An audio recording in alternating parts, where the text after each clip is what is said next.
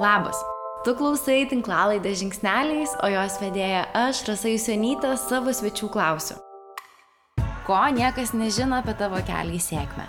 Kokias baimės reikėjo įveikti ir kaip tai padarai, kad pasiektum to, ką pasiekiai? Pasakysiu paslapti. Esu pati sukūrusi verslą ir pravedusi šimtus interviu su sėkmingais žmonėmis. Visi bijo.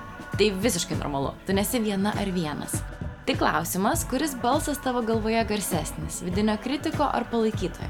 Ar žinojai, kad tokia dalis nuolat tave palaikanti iš vis egzistuoja ir kad gali ją išsiugdyti? Esame išmokyti tikėti, kad mums reikia labiau stengtis ir turėti geresnės strategijas. Nors kartais mums iš ties tiesiog reikia atsisukti į save ir nusileidusi vidinį rūsį patyrinėti, kas ten vis spaudžia stabdžio pedalą, kai mes patys gyvenime norime gazuoti. Kodėl vis užstringame? Kodėl baimė ima viršų. Kviečiu tave klausytis itin atvirų pokalbių apie mūsų visų viduje nuolat vykstančius procesus ir mokytis iš kitų žmonių. Juk blogiausia, kai vidinių pabaisų vidinį šimtą kartų viską pergalvojame ir įstringame tarp gyvenimo, kurio jau nebenorime ir to, kurio dar nedrįstame gyventi. Tačiau tinklalaidė - tavo būdas atstrikti. Pirmoji mano viešne - Monika Malinauskaitė, kuriejo pasitelkusi meno terapiją ir vizualizacinės meditacijas, padedanti žmogui tyrinėti savo pasąmonę, pamatyti, kas mumise jau nebetarnauja, nors patys to neužčiuopiame. Šventai tikiu, kad vienas buvimo žmogumi tikslų vis geriau save pažinti, kad galėtume rinktis malonumą, o ne kančią. Monika kitoniškai, itin įdomiai, kartais net šokiruojančiai mato pasaulį, o pokalbiai su ja visada mane įkvepia labiau savimi pasitikėti. Tikiu, šis pokalbis identiškai veiks ir tau. Važiuojam. U, žinai, Monika, aš buvau pasiruošus intro šitam pokalbiui apie tai, kad uh, tu esi labai drasi. Man tikrai atrodo, kad tu esi vienas drąsiausių žmonių, kokius aš pažįstu. Ir tave žmonės žino kaip tapytoją, žino kaip žmogų, kuris veda dailės terapijos sesijas, žino kaip žmogų, pas kurį galima ateiti į privačias asmeninės sesijas, pasidaryti labai gilias vizualizacijos, nusileisti iki savo gimdos, iki savo jonį. Nu, apskritai daugeliu dalykų tai čia atrodo šamanizmai ir kažkas labai labai keisto, bet lygiai taip pat tave žino kaip sielos technikinio E, sugalvotojo, tai yra video projektas, kurį tu padarai ir apie kurį daugiau pasikalbėsim, kas tenai buvo. Ir e, man atrodo, daug žmonių, kur, kurie į tave žiūri, bent jau man, pažiūrėjau, kaip yra pasakoja Instagram paskyroje, tai nespaudžia to follow, bet negaliu nustoti žiūrėti. Beprotiškai traukia, tai yra beprotiškai kitoks žmogus. Ir aš tave dar atsimenu, kai tu dirbai producerę ir darydavai reklamas. Ir buvai visai kitokia Monika. Ir mes taip žingsnelis po žingsnelio lik, lik liudijom viena kitos pasikeitimą, nes aš irgi buvau visai kitokia moteris, tokia šalta, racionali, jokių jausmų savo nejaučianti, bet labai mm. didelių tikslų siekianti. Ir mes, nu, kažkuria prasme bent jau dvasiškai už sielų susikibusios ėjom to savo keliu, kur buvo siaubingai baisu eiti ir žmonės nekalba apie tai, kad kartais mes turim pereiti labai tamsų, pabaisų pilną mišką, bet einam į savo šviesą, einam į tai, kuo tikim, ką norim gyvenime veikti, kur širdis mus veda ir ne visą laiką tas kelias yra toks, žinai, aukso dulkiam, barstamas ir lengva visą laiką. Nu čia pakalbėsim, nes aš tai galvojau, kad taip yra. Jo, kad uh, tau atrodė, kad kurti projektus, kad viskas turi būti per lengvumą? Man atrodė, kad kai aš e, apsisprendžiau eiti savo širdies keliu, nes visi ką, projektai, viskas, ką aš dariau, tai, tai buvo rock'n'rollas. Aš tiesiog esu patirčių kolekcionierė, aš jau savo pripažinau. Aš paauglystėje paleidau manifestą, kad aš noriu patirti viską, ką reiškia būti žmogumi. Dabar šiandienai aš anuliuoju, nes aš nenoriu sėsti kalėjimo, aš nenoriu būti išprievartauti ir daug kitų scenarių, tiesiog nebūtinėje. Bet aš galvojau, kad tada, kai aš apsprendžiau, kad eisiu savo širdies keliu, prisiskaičius visokiausių teorijų, kad man tada visur visata jums žalia šviesa, visata Dievas, mano pačios energija, čia jau kaip pavadinsi. Likimas. Likimas jo, nes aš taip apsisprendžiau, nes čia, va, čia tas mano, žinai, to aš čia atėjau šitą pasaulį aš buvau tokiuose erdvėse vidinėse, kaip tu sakai, čia vienas drąsiausių žmonių kai aš bliaunu atsigulus kryžių man grindų, tai nu, niekas nemato ir tikrai niekas eidamas pro šalį neuždėtų man lentelės, va čia drąsiausias guli ir verkia. Tave taip pat žino kaip žmogų, kuris šiek tiek sukasi dvasinėme pasaulyje. O tas dvasingumas, tai kad uh, vedi sesijas, kad uh, tu pati tiki visą tą. Ir mes uh, dažnai, kai bent jau aš labai bijojau eiti dvasingumą, nes man atrodė, kad jeigu nors kiek prie to prisiliesiu, o mes tavim ir susipažinom moterų stovykloje, rate, tam atviram, tokiam vieną prieš kitą sėdėjom, čia jau seniai buvo ir valgiam dar vien, ir tokį priešiškumą vieną kitai net jautėm. Ir, žinai, man labai baisu buvo eiti dvasingumą, nes man atrodė, kad aš užsirišiu turbaną, nebesiskusiu kojų, apsikabinsiu medžius ir ten ką nors šnapždėsiu, nu išpratėsiu, basa po miškus vaikščiosiu. Ja. Na, iš visų tų dalykų, tai aš tikrai dabar basa po miškus kartais vaikštau, nes yra beprotiškai. O kojas dar skuti? kojas skutu, jo į depiliacijas vaikštau. Ir nuoga žeruose maudos, nu mano kažkaip moteriškumui skleistis ir man išlaisvėti, nu labai kažkaip, nu, vat, tų miškų reikėjo. Bet e, mums prieš pradedant įrašinėti, tu sakei, kad e, skaitai Eurikos Valan ir linkėjimai Eurikai paustą, kad, nu, nesąmonė yra visi tie apiplyšę hipiai, kurie guli pležuosi ir manifestuoja gausą. Žinai, aš gal patikslinčiau, ne nesąmonė, tai yra tiesiog pasirinkimas, jeigu žmogus suvokia, kad yra sąmoningas pasirinkimas, va tai va, pabandyti, pažiūrėti, o gal kažkaip pasiseks, tai yra faina. Aš supratau, kad, pavyzdžiui, man tai taip netinka ir aš manau, ir tau netinka. Mm -mm. Ir tas apie dvasingumą tai taip keistai skamba, nu, va tarsi kas tas dvasingumas. Aš tai esu, apie, mano ir sesijos ir viskas, į ką aš vis to liniai, nu, tai yra apie gyvenimą jungiantis tiesiogiai su informaciniu lauku, su savo pasąmonė, šaltiniu dievu, bet kad kuo mažiau mums ramentų reikėtų. Aš žinau, aš supratau, aš šitam gyvenime aš neturiu autoritetų. Apart uh, savęs ir savęs išsiplėtusio į sąmonės būseną, išsiplėtus sąmonės būseną, jeigu tai paprastai tai yra tiesiog, kai aš nesu prifarširuota viskuo, visokių reikia, arba kaip turėtų būti, o tiesiog iš tikrųjų pajaučiu, o tai ko aš iš tikrųjų noriu. Mhm. Apie ką aš esu, jeigu aš ir tą ir tą atmetu visą savo rolę. Ir labai klaiku pamatyti, o gal nieko nėra ten, žinai, jeigu viską atmesiu. Mhm. O tai kaip būtiškai, praktiškai, būtekiškai tu keiteisi? Ką reiškia eiti, žinai, širdies balsą klausant? Aš trauką jaučiu gal nuo 15 metų. Mm, man visą laiką labai norėjosi to tokio gyventi autentišką gyvenimą, crazy gyvenimą. Man buvo labai įdomu žiūrėti filmus apie nuraučiausias asmenybės, skaityti jų biografijas, nes man buvo svarbu žinoti, kad šitam pasauliu yra tokių frykų. Žmonių gyvenančių visiškai ne pagal standartą. Nu, va, tiesiog kažkokia tokia, me, pavadinkime, meniška prigimtis. Tai čia jau ne mano nuopelnas, tiesiog toks man papuolė įsikūnymas, tokia aš atėjau. Bet tai nereiškia, kad aš visada dariau, ką aš noriu. Aš labai bijojau.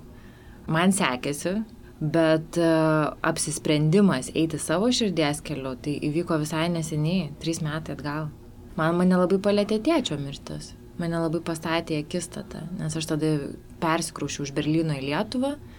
Mm, aš supratau, kad žinutė, kurią tokia labiausiai apčiopiama, kurią man paliko tėtis, kuris begaliniai mylėjo šitą gyvenimą ir tikrai buvo irgi rokenrolas ir aš iš jo turiu šitą geną, kad gyventi dabar, gyventi ir taip, kaip noris, nes jis ne viską padarė, ko norėjo. Mhm. Ir aš kažkaip pajutau tokį, o tai aš tai dar turiu laiko ir aš dar galiu. Mhm. Jeigu išdrįsiu. O ką reikėjo išdrįsti? Tai kaip tu gyvenai neįdama širdies keliu ir kaip gyvenai jau įdama?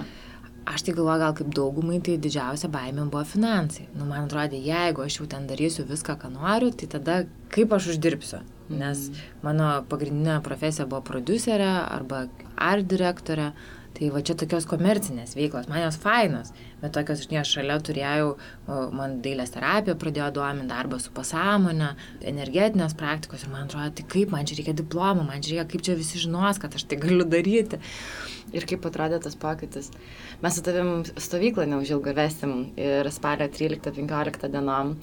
Ir man labai patiko, kai tu rašėjai aprašymą, parašyti tokią mūsų frazę, mes ją dažnai sakom, kad išsirašyti savo leidimą. Ir vad ką tau reiškia išsirašyti savo leidimą? Aš tai eksperimentą darau su visata ir pastoju aš juos tokius nustatau terminus, nes mano protai yra baisu, aš šiaip esu begalinį racionali ir aš visur matau struktūras, nors ir tas nučiuožimas, bet, bet man saugumo to jausmo vis tiek reikia. Bet aš galvoju, nu aš noriu gyventi, kad man būtų įdomu. Mhm. Man nėra įdomu apibriežti scenarijai, kur aš žinau, kaip jisai baigsis. Man, pavyzdžiui, tikrai baisu atsikelti ryte ir tiksliai žinot, ką aš darysiu ir ka, kas čia bus, kokia darbo diena. Ir aš kai šitą savo įsivardinau, nu tada galvoju, okei, okay, tai aš bandau kurti tą realybę, kokios aš noriu. Ir, ir aš prisimenu, kai man reikėjo pirmąjį savo renginį paleisti, dailės terapijos. Aš žinok, tam buvo siaubas. Mano mentorė ten kažkaip susirgo, negalėjo manęs prakaučinti, palaikyti. Mano tuometinis partneris kažkur išvažiavęs, nu žodžiu, aš buvau palikta ant ledo. Ir tai va irgi supratau, kad kai kurios sprendimus, kad ir kaip mums svarbu yra palaikymo, bet yra labai svarbus įsigalinimas ir save palaikyti. Nu ir aš tada labiau norėjau, negu bijojau. Mhm. Ir paspaudai tą mygtuką, kad Publish. jo.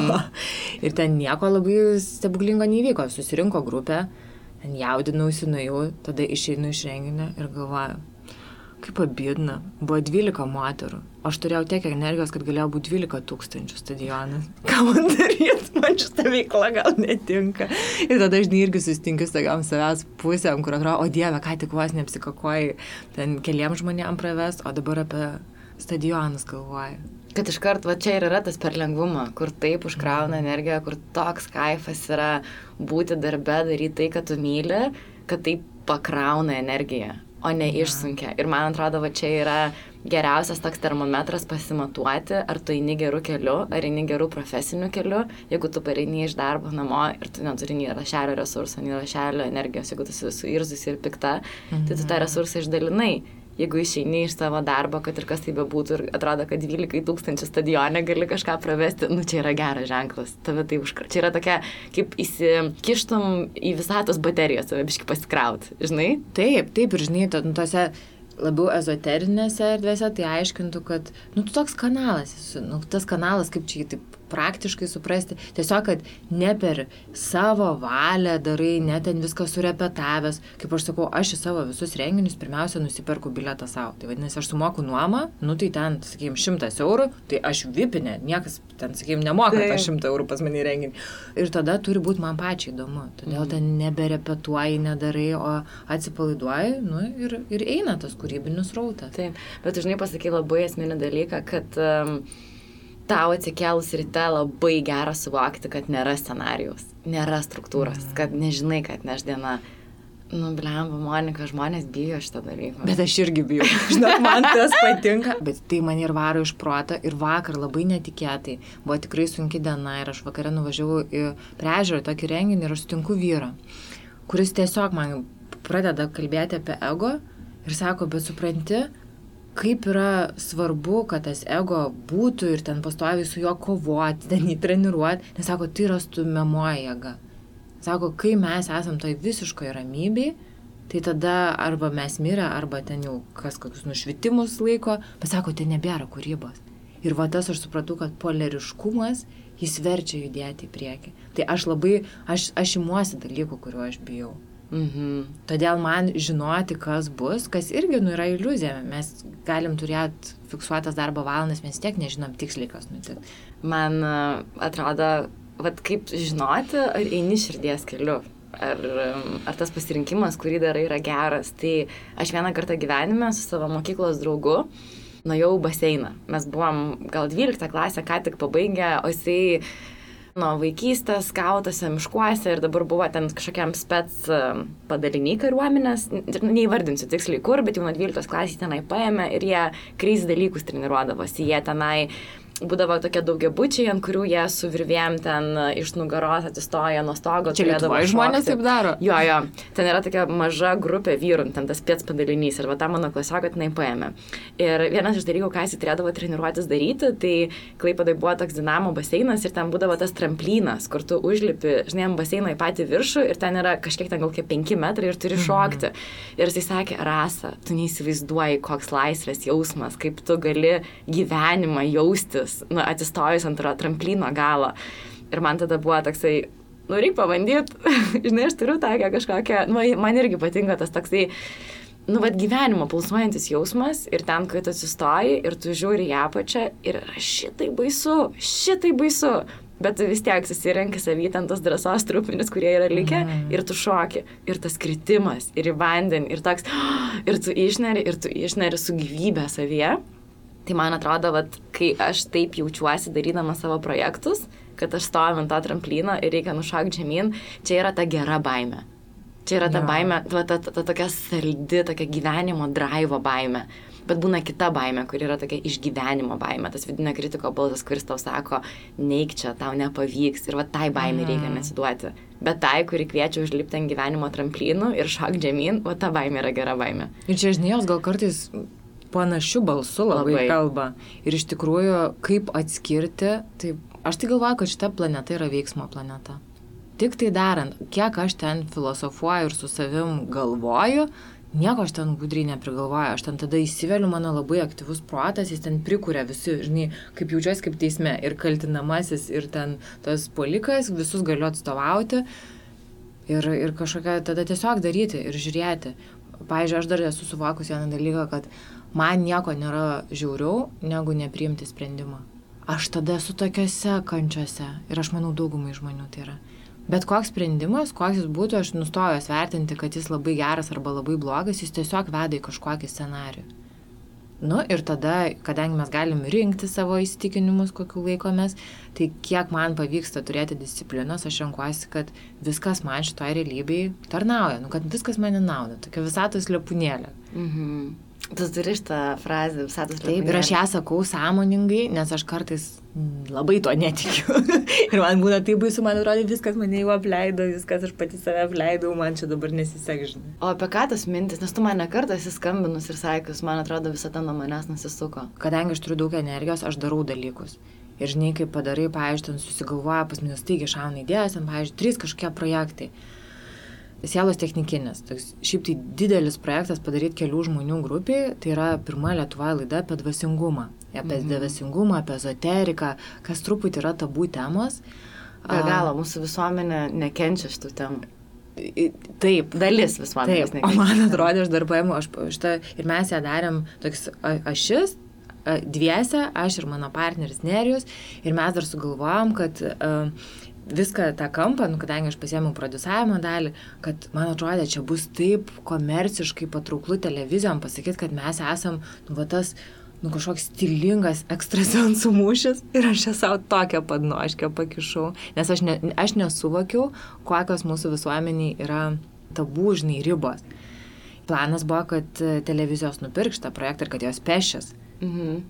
ir niekas nepirko, jis sakė labai kokybiškai, nes mes užsispyrėm, kad tai turi būti studijoje, belia kaip stiliovai. Tiesiog gilios temos, labai paprastai ir labai skoningai perteiktos. Bet pas tave galima, jį galima dabar per Patreoną įsigyti tas laidas. Taip, taip, jos yra taip. beprotiškai kokybiškos. Aš nesu mačius televizijos projekto, kuris būtų taip kokybiškai nufilmuotas ir padarytas. Ačiū, Rasa. Ir aš tikiu, kad tu mane kaip mano draugė sakai. Ne, ne, Ne. mes, mes nesakome viena kitai melą, žinai, kad su Monika yra labai gerai. Aš būna įrašau kokią meditaciją, nusinčiu Monikai, kaunu paklausyk.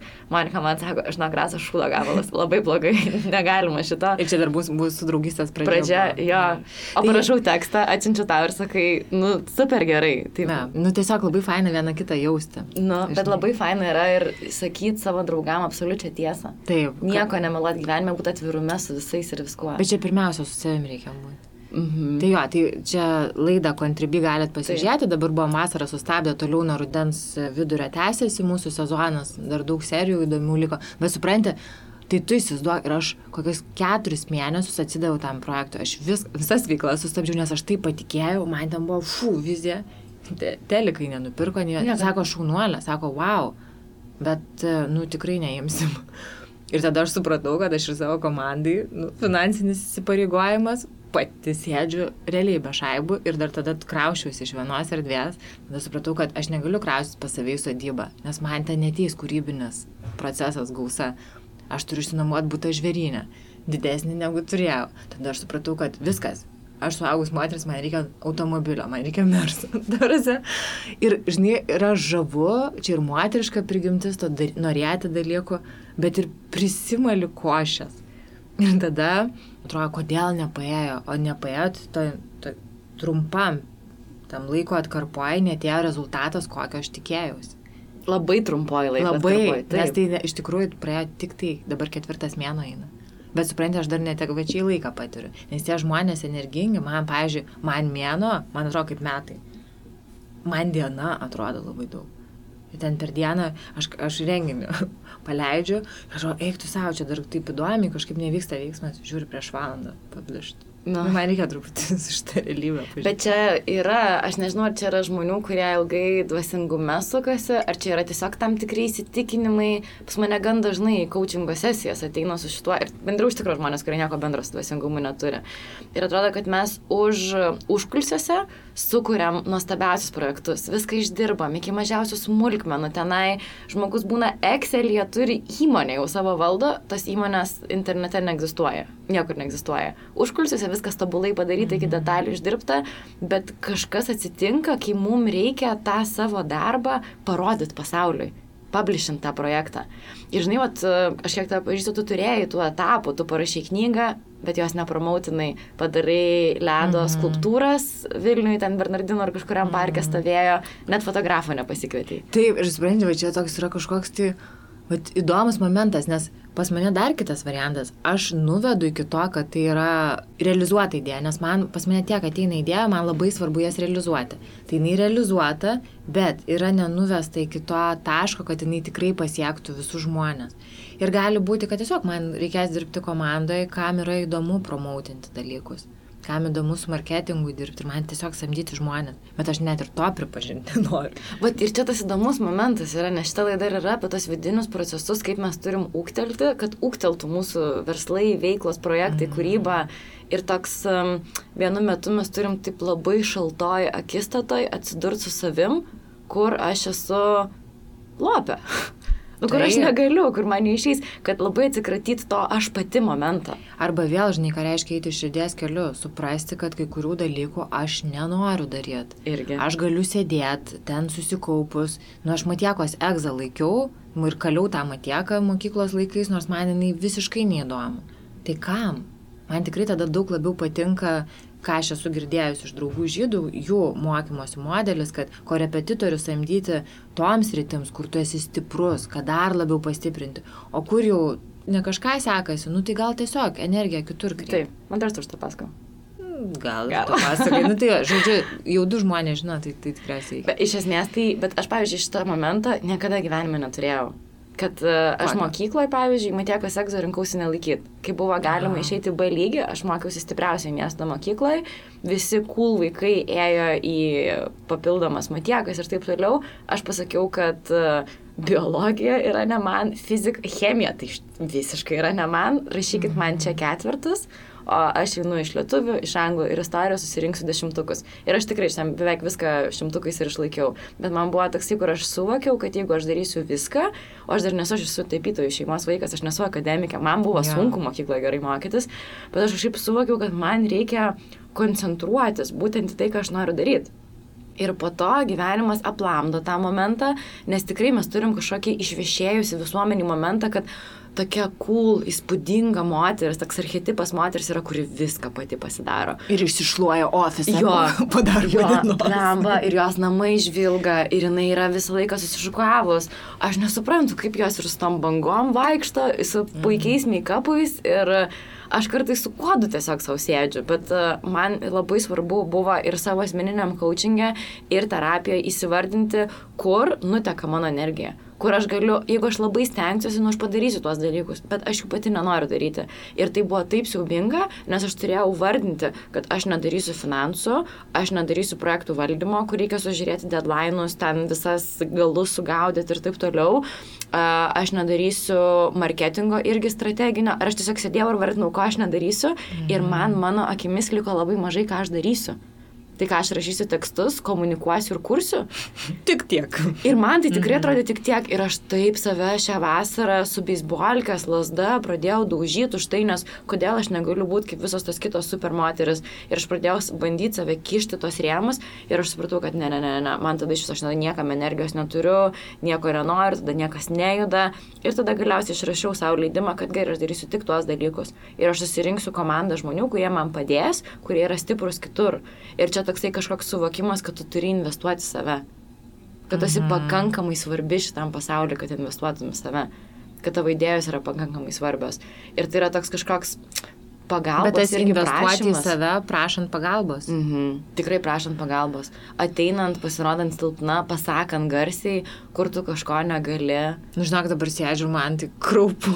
Ir aš galvoju, nu, tu šaunuolė, nu, vat, kažkaip, bet tu sakai, nuo mokyklo aš tą turėjai, o man vis dar yra tas, kad pasakyt, kad aš kažko nemoku. Man atrodo, tai ką, ką reiškia aš nemoku, nes tarsi viskas mum ir manoma. Tai aš ten biški susijimsiu, ko nežinau, aš labai tikinamai galiu pakurt, pa, jo. pašnekėti, žinai, tarsi pasakyti. Ir jaučiu, kad vis dar tempiu dalykus, nors ir kažko tai man yra sunku, sunku ir visai neįdomu daryti, nu tai kaip ir tas pats projektas Jelos technikinis. Nu tai pasimti ir ves laidą, ir, ir režisierium būti, ir, ir, žinai, dekoracijos susidėlioti, ir produceriu, ir redaktorium, visko, visko, visko, nes atrodė, taigi, o tai ką, aš tiek turiu energijos. Mhm. Nes kai mes dirbam įmonėse, mes kažkaip būnam toj struktūroje, kur mums duoda komanda ir daug žmonių, kurie daro skirtingus dalykus ir įmonėje viskas važiuoja. Bet Jo. atrodo, kad kai mes išeinam dirbti savo, tai tada toks trade-offas yra, kad mes patys turim tapti visą įmonę. Nes kitaip atrodo, žinai, bet čia labai, nu, toks kaip ir praktiškas, tu pradedi nuo kažkokio Mhm. taško, labai dažnai pradedam ne, neturėdami ten super, žinai, investicijų ar santaupų ir tada atrodo, nu, tiesiog taip yra praktiškiau viską pačiam apsimti. Ir va čia, va, va čia yra drąsa, aš manau, suvokti, kad ne. Aš turiu čia rizikuoti ir investuoti, nes kitu atveju tiesiog bus nefunkcionalu. Nu jo, nu dar pasaulis yra taip surėdytas, kad mes irgi, nu, kai su pirma meilė, tai yra, nu, arba su pirm, pirmam įsimylėjimo ten mėnesiais, tai tu viską gali tada, ten tavo oksitocinas muša, tai panašiai yra ir kai pradedi savo verslą, nu, tu tiesiog turi šitokią bombinę energiją, tai kažkiek laiko gali viską pati, bet labai svarbu, vat, kurti tas struktūras aplink save, įsivardinus, kur tu negali, kad tu nepalūštum, kad tu nesustotum, kad tu savo pati, žinai, padnoškų nekištum ten, kur nereikia. Žinai, nu rasa, jeigu taip sąžininkai, nu koks čia sėkmingas verslas, jeigu viską vienas žmogus veža. Nu man tai, pavyzdžiui, neskamba kaip kietas verslas. Mm, man man jau skamba, kad yra sustojęs augimas. Mhm. Ir, pavyzdžiui, dabar kalbu ne apie kažkokią veiksmuotę, aš kalbu, nu, savo tokią, žinai, į akistatą, kad jeigu kaip, kaip matuotis, žinai, ar aš augu, ar aš didėju, ar, ar ten plečiasi mano veikla, nu, tu, turi reikėti išorinių resursų. Mhm. Bet ir kažkurio metu, nu, mes labai daug, man atrodo, augdami prisirenkam tokių idėjų, kaip mes turim būti. Kažkas iš tėvų. Pavyzdžiui, man mama vaikystėje sakydavo, mano mama yra labai kieta moteris ir jinai man tokią tumą padovanojo.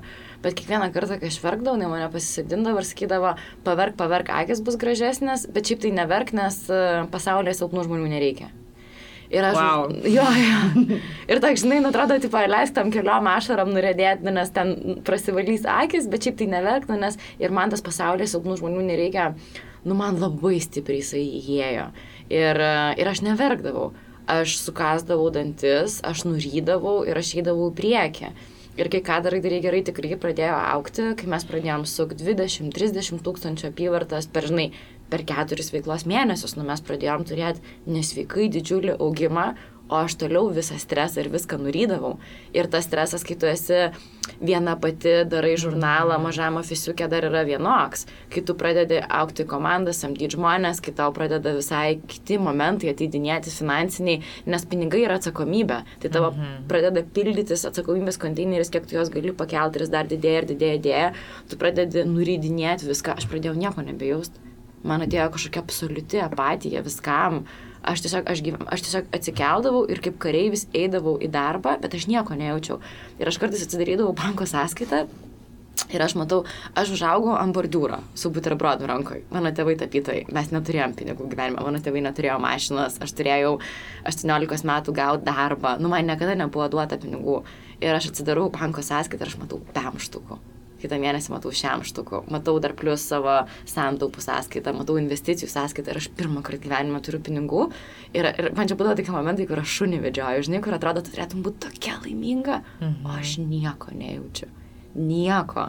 Ir tik tai tada, kai nuvažiuoju į moterų stovyklas, man įdeda ten, žinai, kažkokį kristalą į ranką ir aš dar tokia racionaliai nuvažiuoju ir galvoju, debilės visas moteris čia atsisėdusios, kodėl aš čia esu, kas čia per nesąmonę.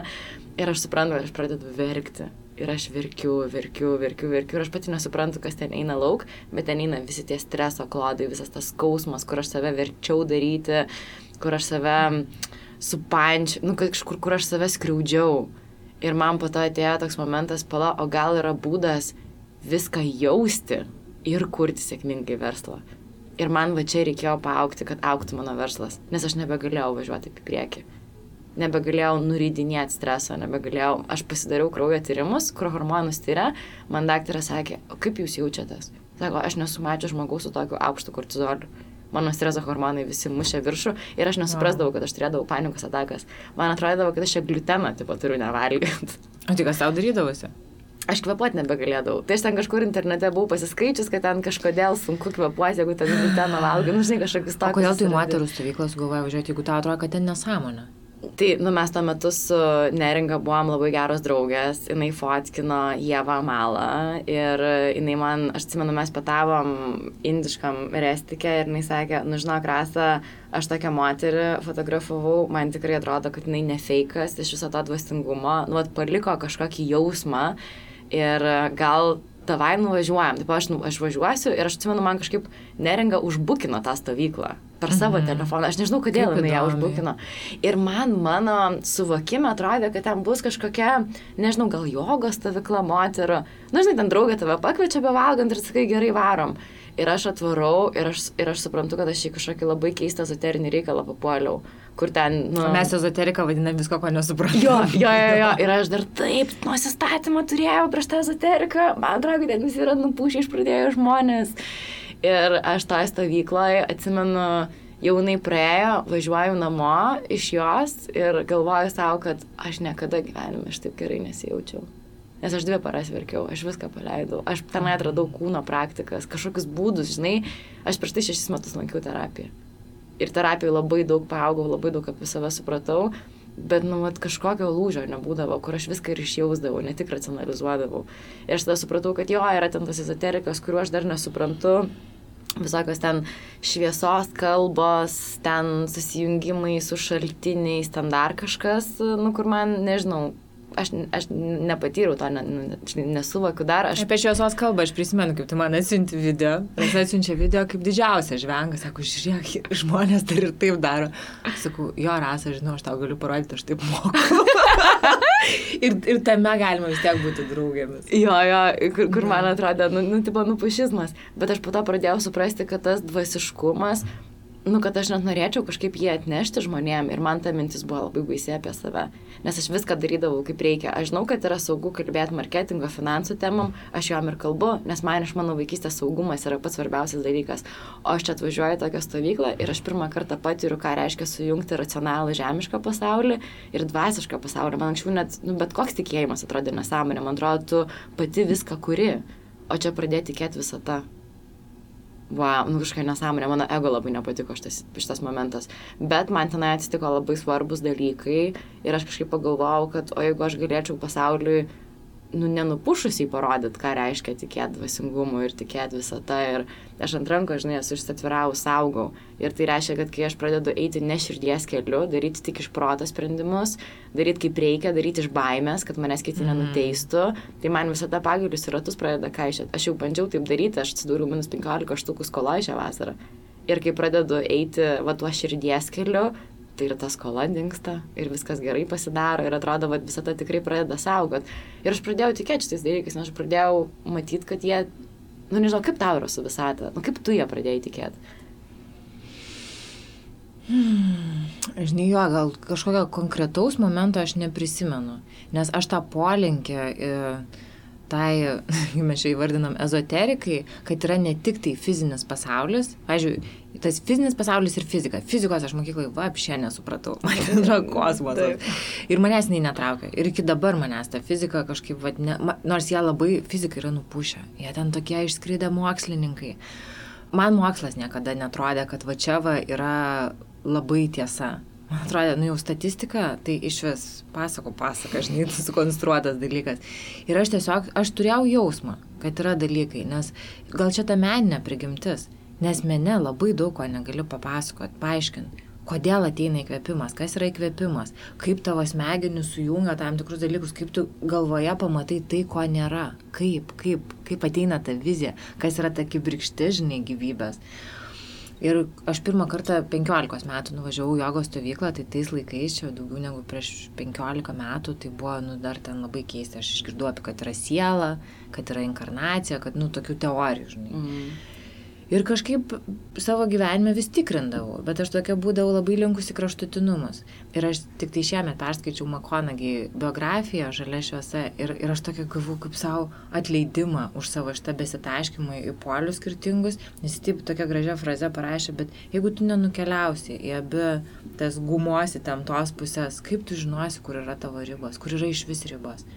Tai aš norėčiau kuo švelniau, bet vis nukeliauju ir aš taip žinai būdavo, tai tai ten visai džiazuoju ir bohemą, tai užsidarau, ten išeinu iš darbų, trys mėnesiai tik meditacija, aš esu meditavus per dieną po 6-8 valandas, kur dabar aš 20 minučių nelabai noriu sėdėti. Ta visata aš ją visai jaučiu, kaip aš kartais juokauju, poriniam savaitės dienom, aš tikrai žinau, kad aš esu vedime, pas mane lauko durų yra užrašyta vedime. Neporiniam, man būna aš skambinu tau ir sakau, rasu, nebėra visas susisuko, nebėra jo ištryniau internetą. Nu, ir aš dar supratau vieną dalyką, pavyzdžiui, Instagram'e, žiūrint, apie ką mes kalbam, ką mes komunikuojam, mes ir komunikuojam tuos dalykus, arba per ką mes einam, arba per ką priem, mes visur šiaip siunčiam žinutę savo.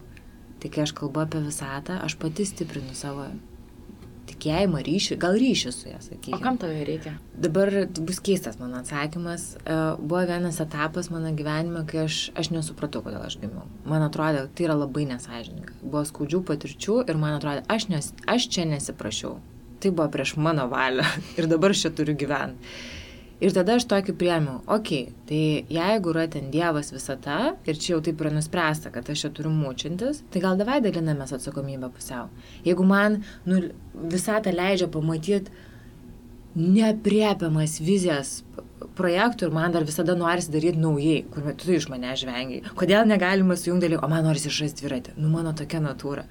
Jeigu man norisi visą laiką išradinėti dalykus, tai gal būk malonė padėk man tai gyveninti, jeigu man rodai tai. Mhm. Ir tiesiog, žinok, aš tokį dylą padariusiu pagarbą, yra ten tų teorijų, kur aš pati tikiu, kad, žinai, mano sąmonė dabar nesuokia, bet aš pati esu ta visata, tai aš pati save kaip ir vedu, gaidinu. Mhm. Tai man apsimoka, man apsimoka, mano nervų sistemai lengviau. Aš net kažkaip vakar pagalvojau, kad visų praktikų, net ir, aš sakyčiau, gal naujosios psichologijos, tikslas yra sugražinti žmogui tikėjimą kažkuo. Mhm. Nes jeigu mes netikim, aš nežinau iš tikrųjų, kaip gyventi. Ir toks dualizmas tame yra, kad viena tai moko prisimti visišką atsakomybę už tai, kas vyksta tavo gyvenime. Jeigu tavo gyvenime vyksta blogi dalykai, tai kaip tu juos čia susikūrei savo, taip. kaip tu jų pasiprašėjai. Kaip... Kurėjo pozicija. Taip. Jo, kad tikrai, ką reiškia ta kurėjo pozicija? Kad visada esi ten, kur nori būti. Mhm. Ir tai skamba radikaliai. Ypatingai, kai sėdi šūdė iki ausų. Mhm. Ir supranti, kad kažkuriai, va čia jau mes einame psichologiją, kur nebėra jokių būdų ezoterikų, kaž, kažkam tavo pasąmoniai, kažkuriai tavo asmenybės dalį yra naudinga, uh, tarnauja būti skausme, saugu būti skausme. Skaus, mm. Saugu kartuoti kažkokius um, elgesio modelius, kurie veda iki destrukcijos arba nemalonių patirčių. Taip. Ir va tada atsiranda toks, uh, bet ir išlaisvinantis momentas, tai vadinasi viskas mano rankose. Bet tu sakai dualizmas, taip pat vienas. Tai, o, o kita, bet tai dar ta, ta, per dualizmą tai prieisim, man dar buvo toks labai labai labai svarbus tavo pasąmonį momentas paleisti poreikį būti nepakankamai. Nes mes labai žinom, kad visi turim tą I'm not enough, čia su tuo, o aš kažkurio metu priejau, o kodėl aš turiu poreikį būti not enough? Kuo man tai tarnauja? Kuo man tarnauja būti maža? Kuo man tarnauja nebūti galinga?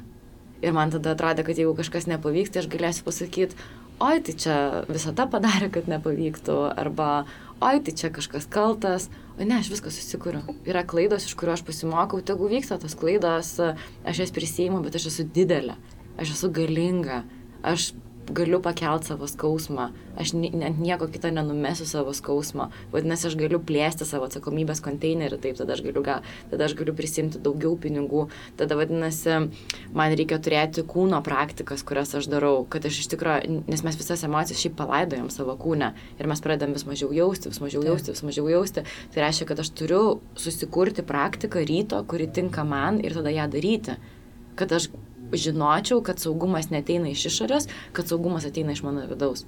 Nes aš supratau, kad saugumo išorinio nėra. Tu gali pasistatyti tą hujaną verslą ir jis gali per porą dienų sugriūti. Tu gali būti susituokus ir metų neišbuvo santokai, tu gali išsiskirti. Neegzistuoja išorinis saugumas. Aš esu ėjusi darbą ir turėjusi beprotiškai gerą poziciją, vieną dieną atėjau ir mane atleido.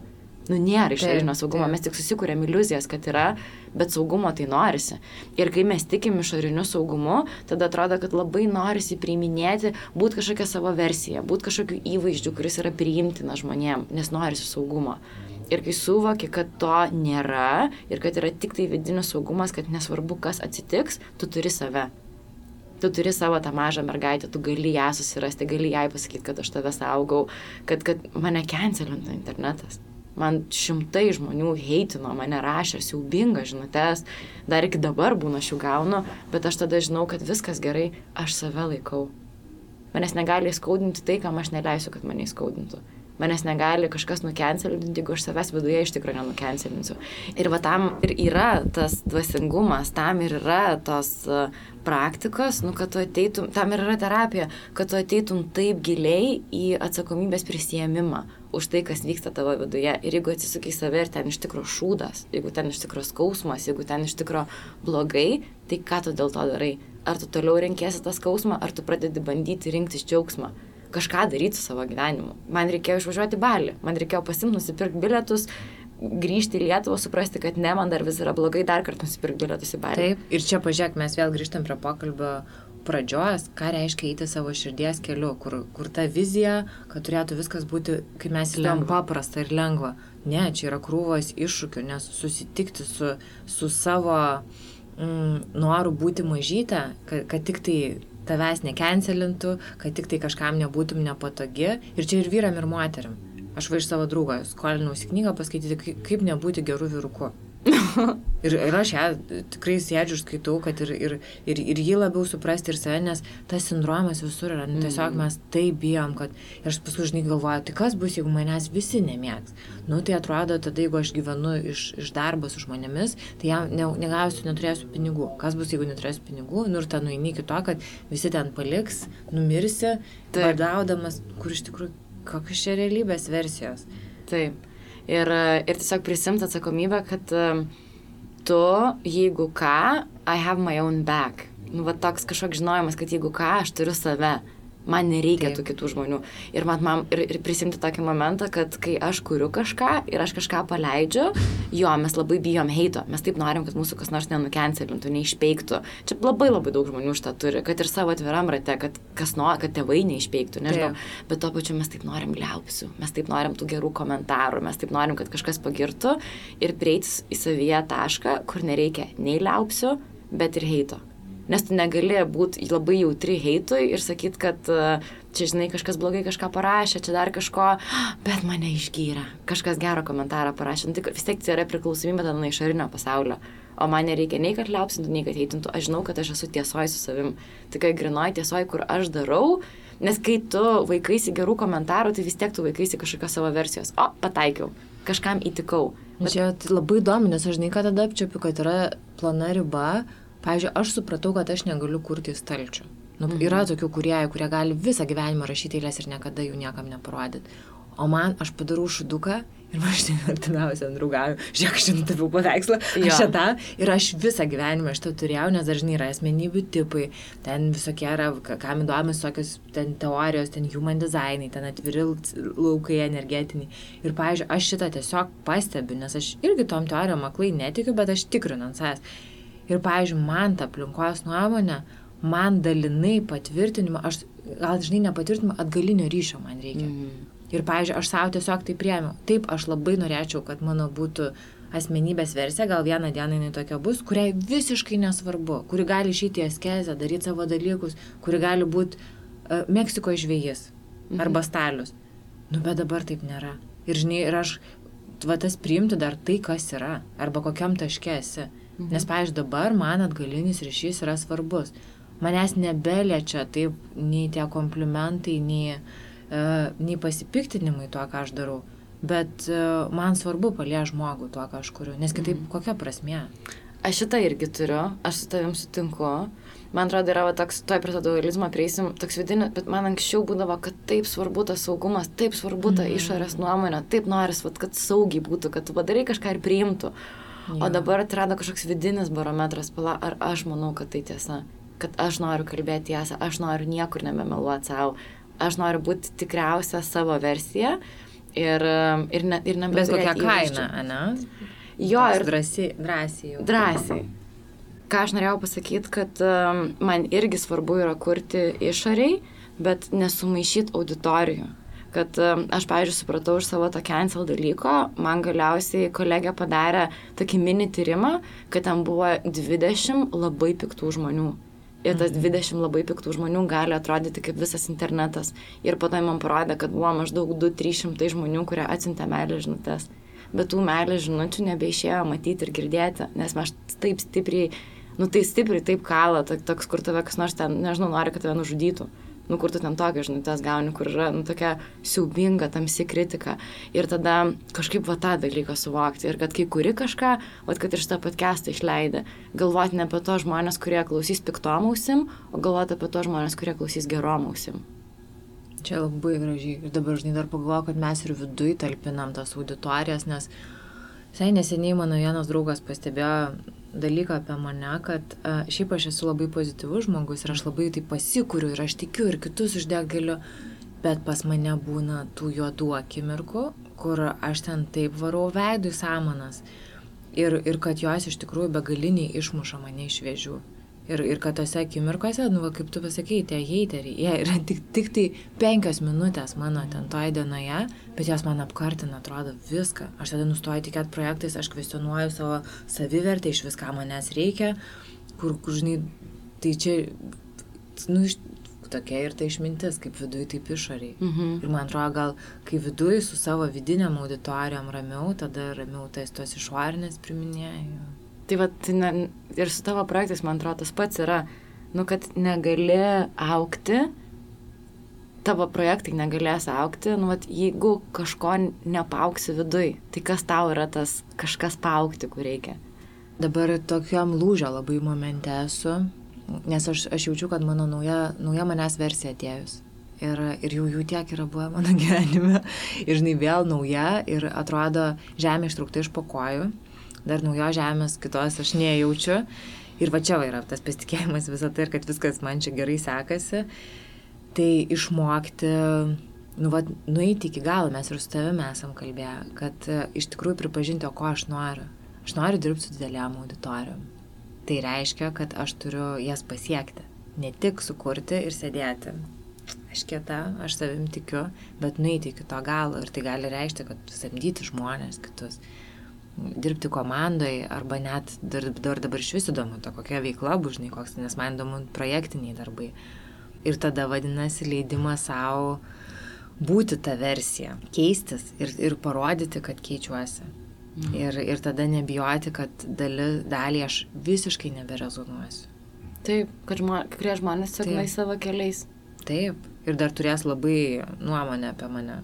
Aha, ai, taip, stipriai. Yeah bet tuo pačiu atsiras žmonių, va tą bet pridėti, kuriem labai patiks ir labai rezonuos. Jo. Ir svarbiausia, kad tu pati rezonuosi savo. Taip, nes nu vis tiek, koks, aš atsiriamiu, kas man svarbiausia šitam gyvenime. Bet žinok, viskame, renkantis darbus, gyvenimo būdą, sportus, vyrus, maistą, nu, man turi būti įdomu ir malonu. Mhm. Man, bet pirmiausia, man įdomu, va čia kiekvienas turi atsakyti, kas jo vardiklis. Nėra nieko blogiau negu gyventi gyvenimą, kur tau pačiai neįdomu. Taip. Mhm. Ir tada tiek prisikuria dramos ir skausmo ir kažkokių gynybinių reakcijų. Man tai visą laiką atrodo čia kaip škiemas, tas balta drabulė, kur liftininkas. Nei ten, nei ten. Ir tada esi užstrigęs. Ir va tas užstrigimas yra blogiausias. Geriau tegu paskauda einant į priekį, tegu geriau cancelina kažkas, dar kažką, Taip. bet nebūt tenai, tarptų dviejų pasaulių nebūti tuo, ko nebesi ir neleisti savo būti, ko jau esi, ko tampi. Jo. Geras, atsimu tos žodžius, kad nereikia auditorijos. Iš tikrųjų reikia žmonių. Vienas laukia ne karys. Reikia meilės iš kitų. Reikia ir mes pakraunam. Ir tikėti, kad tos meilės yra labai daug. Taip, ir kodėl čia irgi dar vienas, žinai, visur yra įsitikinimai. Mm. Ir čia yra dar vienas įsitikinimas, kad reikia būti tokioj savivertėjai, kad aplinka būtų nesvarbu. Aha. Kodėl? Tai kodėl tada mes iš vis gyvename bendruomenės, tada varyk į atskirti. Aš irgi turiu tą kurėjo geną, kad tu nori sukurti ir kažką parodyti pasaulyje. Aš turbūt per daug išsigandau pasaulio ir tų auditorijų. Nu, man yra net tokių momentų, kur man, pažiūrėjau, yra baisu įeiti į Mindaugo iki aš einu į mažesnės parduotuvės. man baisu žmonių ir aš kažkada pas tai žvėryną atvažiavau ir reikėjo į kavinę įeiti ir tavęs dar nebuvo, ir ten pilna žmonių yra. Ir aš supratau, kad, nu, aš tiesiog labai labai labai stipriai išsigandau žmonių. Aš nesupratau, ką iš tikrųjų man padarė tas cancel momentas bet man davė ir labai labai daug vidinės jėgos, nu, labai daug gražių patirčių, Taip. kur man atrodo, kad viskas griūva, tai iš tikrųjų mus laimina, nes tu nueini į savo absoliutų rūsį vidų, kur um, aš tau neseniai buvau, kur Benas kažkaip Lasdauskas, Lastauskas iš manęs tą parodiją padarė ir aš tau atsiunčiu ir tu man pasakėjai, bet Rasa, um, ar tu tikrai pati tuo tiki? nes tave gali įskaudinti tai, jeigu tu tiki tais. Nes tas jo video nebuvo blogiausias dalykas, aš komentarus paskaičiau ir žmonių yra žoski komentarai. Ir suprasti, kad tai yra tik mažutė dalis visuomenės, kuris tokius komentarus rašo kuri tavęs nepažįsta, nežino, kuri nėra ta auditorija, kur šiaip ar taip tai nu, nerezonuosi. Yeah. Ir kad kai žmonės trigerinasi, tu čia ne apie tave iš tikrųjų yra, bet nusileisti į savo tą rūsę, susitikti su tai savo, savo pusėm, kurios to iš tikrųjų tiki kurios palaiko tos baisiausius komentatorius ir kurios, o tai ko jis iš tikrųjų norėtų? Kad aš nieko nedaryčiau, kad aš gaučiau kažkokį mažą darbelį, ofisiukę, kur manęs niekas nematytų ir nugyvenčiau. Nu, niekada nieko apie tave blogo nepasakytų. Žinai, pažiūrėjau, dabar, kai daliniesi apie tą, kad nu, tada buvo baisu užėjti į kavinę, aš, aš nors tavo draugė, bet sėdžiu vid, vid, viduje ir toks purkštavimo momentas atrodo, kokia nesąmonė, taigi čia, kaip tu čia su, su, su galva nesusitari savo. Ir tada ateina pom mano pačios, kai uh, aš dariau vieną projektą ir buvo variantas, kad gali būti išaukti žinomumas stipriai. Ir tada manęs klausia draugė, žinai, sako, tai o, tai ką tu darysi, nes tu kaip ir nenori. Tai sakau, paina projektas, jeigu labai žinomumas išauga, aš išsikraustau iš Lietuvos. Nu. Ir tada galvoju, bet tai tada mano galvoje yra priešingas manifestas, priešingi norai. Mhm. Paprašiau, nes aš, aš ir noriu, kad tai pasiektų didelės auditorijas, bet tuo pačiu aš taip bijau, kad ten bus visokių nuomonių. Mhm.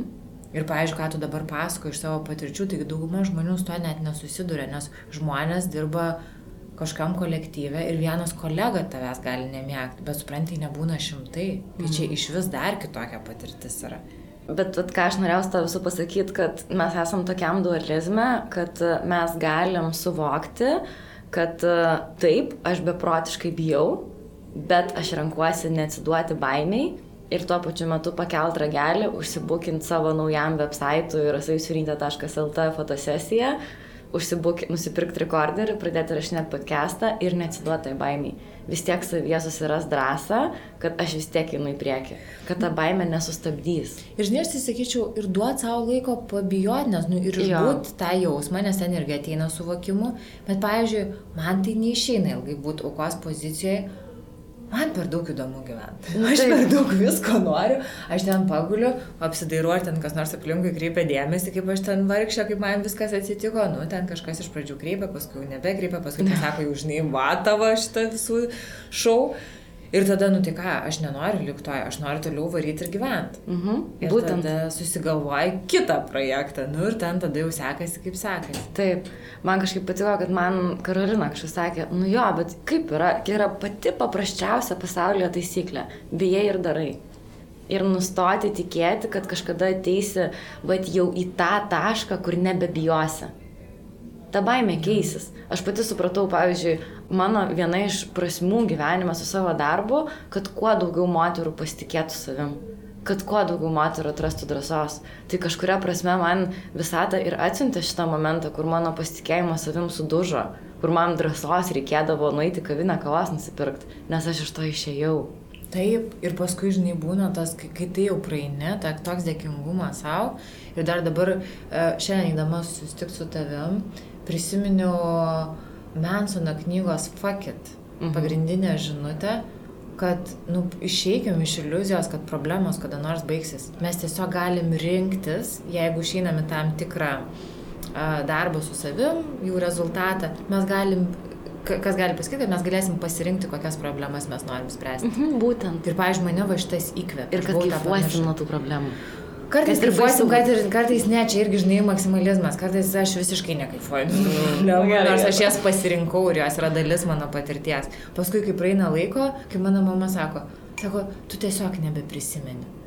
Sako, tu pusę savo gyvenimo neprisimeni, tu neprisimeni, kaip tau buvo sunku, kaip tu ten staugiai, kaip tau ten viskas darėsi. Mm. Nes, nu, taip veikia tas organizmas, tu ten praeini tą užduotį, bet ko, kodėl niekada nėra to taško, kur nebebijosi arba kur bus jau ten visiškai lengva. Nu, todėl, kad tada kūrėsi nauji iššūkiai. Tai nauji masteliai atsidarinėja. Tai, tai apie tą dualizmą, žinai, va, tai pusė visko yra tai, kad e, tu prisijimi atsakomybę už savo gyvenimą, tu savo pasakai, kad aš pati kuriu savo gyvenimą, kad aš pati kuriu scenarius. Žinok, aš dabar gali būti, jeigu sugalvosiu, po pusės metų aš tik persikraustysiu į Balį gyventi. Ir aš būsiu rasa, kuri gyvena Balyje kad viskas yra įmanoma. Ir tu skolingas savo šitą patirtį. Tai jo, bet supranti, ką aš turiu menį, o gal aš tau pasakysiu, kad aš į New Yorką noriu atgyventi, o gal aš tau pasakysiu, kad vis dėlto man žužoskai patinka corporate karjera ir aš gausiu darbą vis kažkokį kitą scenarijų savo gyvenimo pabandyti kad nėra, kad mes turim galimybę keistis ir mes turim galimybę suvokti savyje, kad mes tikrai kūriam savo gyvenimą, kad nėra kažkokių dalykų, kuriuos mus įstumia ir tada yra privaloma arba reikia. Tai čia vat viena ta dualizmo pusė, bet kita ta dualizmo pusė yra, kad e, mes turim tikėjimą. Ir mes tikim, kad kai mes žengiam va, tą drąsų žingsnį, visada sukuria laiptelį kad ten nėra prarajosi, kurią tu nugarmi, kad kartais jie atsiunčia išbandymą ir kad tave sustiprintų, kur sako, ar tu tikrai to nori. Kaip, pavyzdžiui, man, man labai patiko, aš džiai knygoje skaičiau, kad e, buvo pastatyta dykumoje tokia atmosfera, pamiršau tą žodį, kaip jis vadinasi, bet toks kupolas didžiulis, kur visa flora ir fauna gyvena. Norėjo sukurti Aha. sąlygas, kur neegzistuoja, kur būtų galima atkurti atmosferą visą. Ir augo medžiai, ir medžiai užaugdami iki tam tikro aukščio nulūždavo. Ir mokslininkai nesuprato, kodėl. Ir jie pada suprato, kad vienintelis dalykas, sąlyga, kurios nėra tam kupole, tai yra, kad nėra vėjo. Tai nėra kažko, kas tave pučia, lenkia ir sustiprina. Mm, čia labai gražus momentas. Ir kai pradedi su visata žiūrėti, kad bet ką, ką tau atsiunčia, tai yra atsiųsta tau, kad tave sustiprintų, kad tave išmoktų pamokos, kad visata yra šalia, tu tik mokaisi pati. Ir man kažkodėl atrodo, kad tai duoda labai daug, nu, tokio gražaus tikėjimo, kurio mums visiems trūksta. Ir dažnai klausau tavęs ir man dar norėsiu truputį kelias minutės advokataut, kas ta visata. Kad čia neskambėtų toks vudu. Ir Tesla yra labai taikliai pasakęs, kur jau čia žinai, visiems jau tinkantis pavyzdys, kad uh, jeigu mes pradėtume žiūrėti pasaulį kaip į dažnius vibracijas, tai mes iš tikrųjų suprastume, apie ką yra šita realybė. Ir, ir va čia jau tada nueinam į tą fiziką, kurios aš niekada nemokėjau, kad kas mums atrodo kieta, bet viskas, viskas kažką vibruoja. Ir, ir kad stebėtojas veikia e, objektą.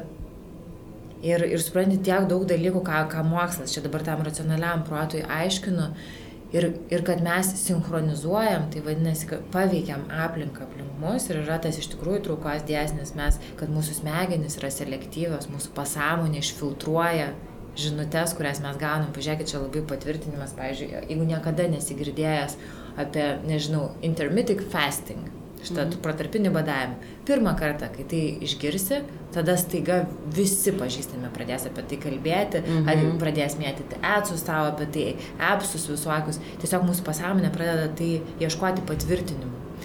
Ir, ir ta, jeigu aš į save žiūriu kaip irgi, nu, tokį pabandau suvokti kaip kažkokią tą vibraciją, kas nu, keistas jausmas save suvokti kaip vibraciją, ir atsiveriu bent galimybė, kad gali būti, kad aš veikiu aplinką, aplink save, ją sinchronizuodama, tada pradedi pamatyti iš tikrųjų tokius stebuklus, kurių protui yra įrodymas. Pavyzdžiui, man irgi reikia įrodymų. Ir aš prisimenu, vienas buvo momentas, kai aš vedžiu asmenės sesijas tik pradėjau, man buvo labai sunku įkainoti savo laiką, nes tai buvo visai naujas rytis. Ir mano valanda tuo metu buvo 45 eurai. Nu, tai buvo nelogiška kiek aš duodavau žmogui ir kai, jeigu mano to komercinio darbo ten valanda 120.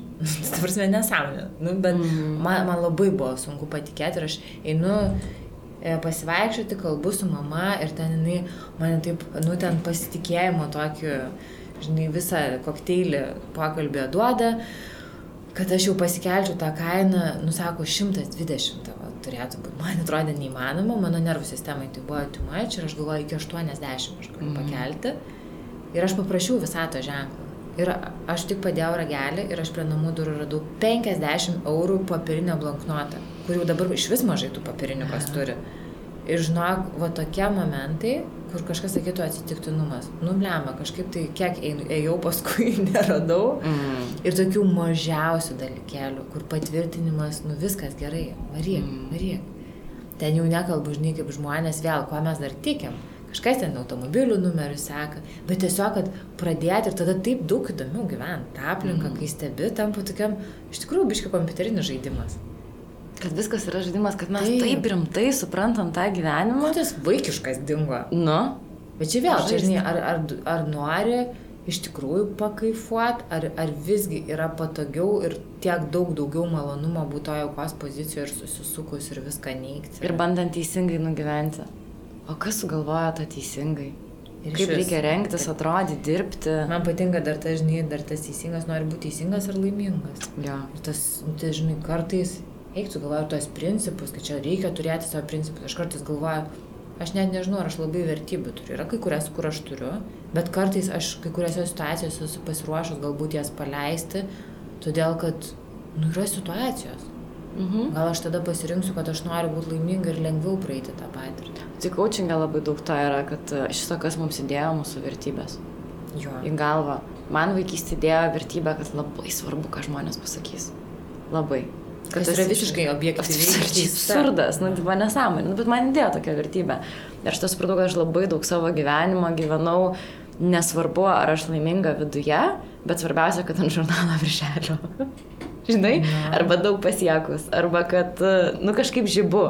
Ir, ir tada, kur susikoncentruoji, tai ten ir turėsi. Susikoncentruoji iš tą išorinį saugumą, tai ten išoriai viskas žyba.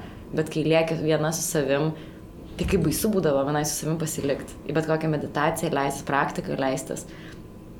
Nes tada susiduri su tuo, kas ten yra viduje, ką esi labai apleidus kam visai nereikia tų, kas pradeda daryti vaiko meditacijas, pavyzdžiui, kaip dažnai yra, ypatingai kai ateina vidinio vaiko, kai ateina labai daug pasiekę žmonės ir darai tą meditaciją kartu ir jie savo tam vidiniam vaikui liktai rodo, žiūrėk, aš tiek uždirbau, tokias mašinas turiu, ten tokius namus, o tam vidiniam vaikui šie vienodai rodo.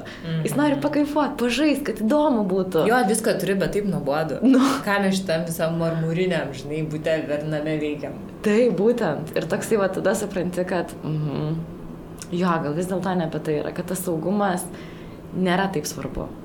Vidinis saugumas labai, o išorinis, pramba ne. Bet jis iliuzija, tai mums gali būti mhm. svarbu ar nesvarbu, čia, žinai, net visai diskusijos objektas, tai yra tiesiog iliuzija ir tai galim kiekvienas patikrinti. Mhm. Nes, nu, bet kaip? kaip, nu tiesiog bet, bet kokį variantą pasim, kas tau atrodo tavo gyvenime yra, nu nekvestionuojama, tikrai tai svarbu. Bus. Mhm. Nu, svarbu arba tikrai yra garantas, kad tai nu, bus. Kad būsi mama vieną dieną. Kodėl? Nu. Arba kad būsiu sveika, arba kad bus rydena. Kodėl? Yra tikrai šansas, kad nebus rydenos. Kad privalau daug pasiekti. Jo, va daug čia pinigų uždirbti visi dalykai. Kodėl? Kad man privalo sektis. Kodėl? Man žinai, su ambicijom, bet irgi dar priimti, kad keičiasi dalykai. Mm -hmm. Man vieno etapu buvo, aš buvau belė kaip ambicinga ir man, tada mane labai išmušė iš vėžių, kai supratau, kad yra skirtingos rytis. Ir kai aš vis bandydavau ten, nes aš dar, dar mokykloje ir programavimo egzaminą lankiau, nu, kosmosas. Ir man atrodo, kad aš dar galiu tiek laikyti, pavaryti, kad aš viskame būsiu pati kečiausia tada pamačiau, kad, nu jo, realybė tikrai netokia ir kad jeigu būtų pasaulio aukščiausias dangoraižis ir aš galėčiau būti jo, nu nežinau, direktorė, va tada būtų, ką žmogus aukščiausiai galėjo pasiekti, bet tai yra neįmanoma, to nėra. Aš labai nusivyliau. Man tada ambicijos ir pradėjo birėti, nes aš tada nežinau, ar man apsimoka būti ambicingai. Gal aš noriu tikrai būti Meksiko žvėjų mhm. ir pakaifuoti ir pagyventi, tai fain. Paskui vėl atėjo lūžis, kur kažkokia kitokia energija prabudo, pasilgau, pabuvus labiau dvasinėse praktikose, tokio ramybėje, atsitraukime nuo visko askezijai. Ir dar prisimenu, šią vasarą ar jos pradžioje mes buvom su tavim Nidai. Ir, ir tu pasakoji apie savo planus ir man buvo liūdna, kad kai mes busim draugės su tokia ambicinga, aš neturiu ambicijų ir neturiu, ir man jos netrodo beprasmės. O dabar aš dabar esu varduo, naujas etapas, tai praėjo keli mėnesiai. Aš tiesiog pasilgau kitų dalykų, pripažinau, kad kažką tai, kažkas man buvo atkritę ne savaime, o iš valios, nes aš taip susigalvojau paveiksliuką, kad va dabar mm -hmm. mano toks projektas, aš tokia versija. Ir aš norėjau stoti į aktorinį. Tai va, visiškai, nereikia stoti į aktorinį. Aš taip kartais išpildau šitą profesiją savo gyvenime, viskas, žinai, scenarius kaitaliodama. Mm -hmm. Tai, pavyzdžiui, dabar vėl man ambicijų etapas, kitaip aš ją suvokiu, bet tas irgi dažnai čia yra apie tas pačias vertybės, kad jos kinta. Čia tokia laisvė, tiesiog būti laisvėje. Vat kaip tiesiog ateina, man taip tas filmas šokoladas ir aš ten prieš šimtą metų jį žiūrėjau, stringęs, kad vieną dieną vat papučia kažkoks vėjas, pajauti ir eini. O kaip fainai, kad priminė, norėsiu dar pažiūrėti. Aha. Va, reikia tą filmą šiaip iš naujo pasižiūrėti, bet man kažkaip va, ta scena yra, kad toks, mes taip savai spraudžiame rėmus, kad aš esu įsipareigojusi būti ir tai, tai ir tai, daryti tai ir tai, būti tokia ir tokia. Ir kad visą laiką savęs sustoti ir paklausti, ar tai tikrai tiesa. Ar tai tikrai tiesa, ko aš čia taip tikiu, ko bijau, be ko ne, atrodo, kad negalėsiu gyventi. Man, pažiūrėjau, labai atrodė, kad pinigai yra saugumas ir aš tau iš Nidos skambinau aš tiesiog išvažiavau į Nidą prieš sezono pradžią ir ten buvau baisiausiam savo etape, kur man kolegė vieną dieną paskambino ir sako, supratau, kad esam 10 tūkstančių minuse, kitą dieną paskambino ir sako, žinok, aš apsirikau, esam 15 tūkstančių minuse. Ir, ir tai yra toks didžiulis nerimas finansinis, nu toks didžiulis, kur ten tave, kur aš tikrai aiškiai supratau, man atrodo, kad aš apsivemsiu. Ir tada aš atsisėdau, atsimenu, nebegalėjau normaliai mėgoti vasarą, kol kas prieš, prieš keturias ryto atsibudau, išėjau Nidai basa vaikštau prie Marių, nieko aplinkui nėra, nieko absoliučiai, tik tai gyvūnai visokie vaikšto aplinkui ir saulėlydis kyla ir tas Marios tokios raudonos, mhm. beprotiškai gražu ir aš sėdžiu ir aš suprantu, kad visos tos skolos, kurios yra, aš esu už jas tokia dėkinga, nes jos visos atėjo, mes buvom skolingi lektoriam, kurie mums seminarus darė. Nu, tokios visos skolytės buvo, kurios susidėjo kartu į didelę krūvą, kur aš kitiem žmonėm atidaviau savo idėjas ir paprašiau, kad jie padarytų, nes aš pati per daug bijojau. Ir dabar į mane tai atsisuko kažkaip. Aš per daug bijojau, kad aš neišpildysiu, kad mane gal nukencelis, nepavyks, tai naisim tada į minusą, o aš dabar šiaip ar taip esu minusą. Ir tame, va, ten besėdint, tai saulį bekylant buvo toksai, bet gal laisvė yra, kad aš pati galiu daryti tas temas. Gal aš pati galiu savo, kad man nebereikia kitų žmonių, už kurių aš slėpčiausi. Mhm. Ir net pačiam mūsų juodžiausiam, taške pačiam baisiausiam scenarijui gali atrasti kažkokios šviesos, už ką tu esi dėkinga ir va tai labai išlaisvino viską. Taip, ir čia žinai vėl tie mūsų įstikinimai, kaip pasirenki tikėti, kad viskas, kas vyksta, ne, nebereikalo. Nu, mhm. Kažkame yra užšifruota tau desertas, razinka. Nu, kažkas jo. yra tame gero. Skirybose. Taip. taip. Ir paskui, žinai, tas, ir tai senuolių išmintis irgi apie tai kalba. Nu, tiesiog reikia dažnai laiko perspektyvos. Mes tą pačią akimirką negalime matyti. Bet man atrodo, kad samoningumas ir yra apie tai, kad tu negalvoji, kad o čia viskas griūva, kaip blogai, kaip čia mane visi skriaudžia, o gebėjimas atsisukti virš save ir pasižiūrėti, o ką man tai dovanoja, nu kur čia yra dovana. Aš vaikelio, pažiūrėjau, praeitais metais netekau. Nu, tai buvo tas neštumo praradimas, man nieko skaudžiau už tai nebuvo. Man pofik po to buvo skirybos, tie cancel dalykai palyginus su kaip skaudėjo prarasti neštumą. Ir aš kai supratau, kad e, tame irgi gali būti dovana per tą didžiulį skausmą, nes man tai suteikia suvokimą, kokia trapi yra gyvybė, kaip sunku ateiti šitą pasaulį ir kokia dovana yra gyventi ir aš iš tikrųjų gyvenu, ar aš iš tikrųjų darau, kaip aš noriu daryti. Ar aš iš tikrųjų esu su to žmogum, su kuriuo aš noriu daryti ir man tai suteikia tokios jėgos keisti, keisti, keisti ir net tai gali būti dovana. Ir vad kai pasižiūri taip į viską, kas vyksta, nu va tai ir yra kažkoks tikėjimas tas, ta kita pusė, kur tu ne tik paties savo gyvenimo kurieja, bet kad yra ir kažkas, nu, kas tave saugo. Ir dovanoja. Ir va čia aš taip suvokiu discipliną. Žinai, disciplina ne, ne kilintą valandą keltis, ką valgyti, taip, tai irgi yra jos dalis, bet kokias mintis, tai minčių higiena, jausmų higiena, ką renkuosi galvoti, kuo renkuosi tikėti, kokias, žinai, kur skirti savo energiją, kokias realybės kurti nu tikrai neapsimoka kreipti dėmesio į šūdus ir galvoti apie baisiausius scenarius. Kam? Bet me, čia yra parazitai, kurie knipžda galvoja. Jeigu ne, Taip, jeigu nedarai tos. Tai vadinu disciplina. Mm -hmm. Nes va čia va reikia susijimti, žinai, ir valios, ir proto aštrumo, ir tokio, žinai, kartais, nu, per netikiu, nes čia taip, žinai, tikėti. Nu, ką jeigu šiandien netikiu? Tai tada kažkokių jėmėsi priemonių, ten, čia žinai, vėl galima į tą mokslą. Kas išskiria daugiausia endorfinų? Nu, ten šaltam vandenį maudytis, sportas, seksas, nu, kažką padaryti, keisti būsenas, net ir taip mes turim kūną. Bet į džiaugsmą naitum, į kūną. Taip, taip. Taip, taip, taip. O, įkūnit, nu. Mm -hmm. Mūsų stovykla taip vadinsis, įkūnit savo galę. Iš tikrųjų, paleisti poreikį būti mažutį. Kad ir kaip baisu tai būtų. Aha. Nes patogu. O koks tavo dabar santykis su pinigais? Jie yra mano mokytojas. Aš džiaugiuosi, kad šitoje planetoje yra pinigai. Kad ir kaip aš kartais pykčiau, kad taip yra, man kartais yra labai nesažininga, kad aš čia turiu kažkaip rūpinti savo pragyvenimu.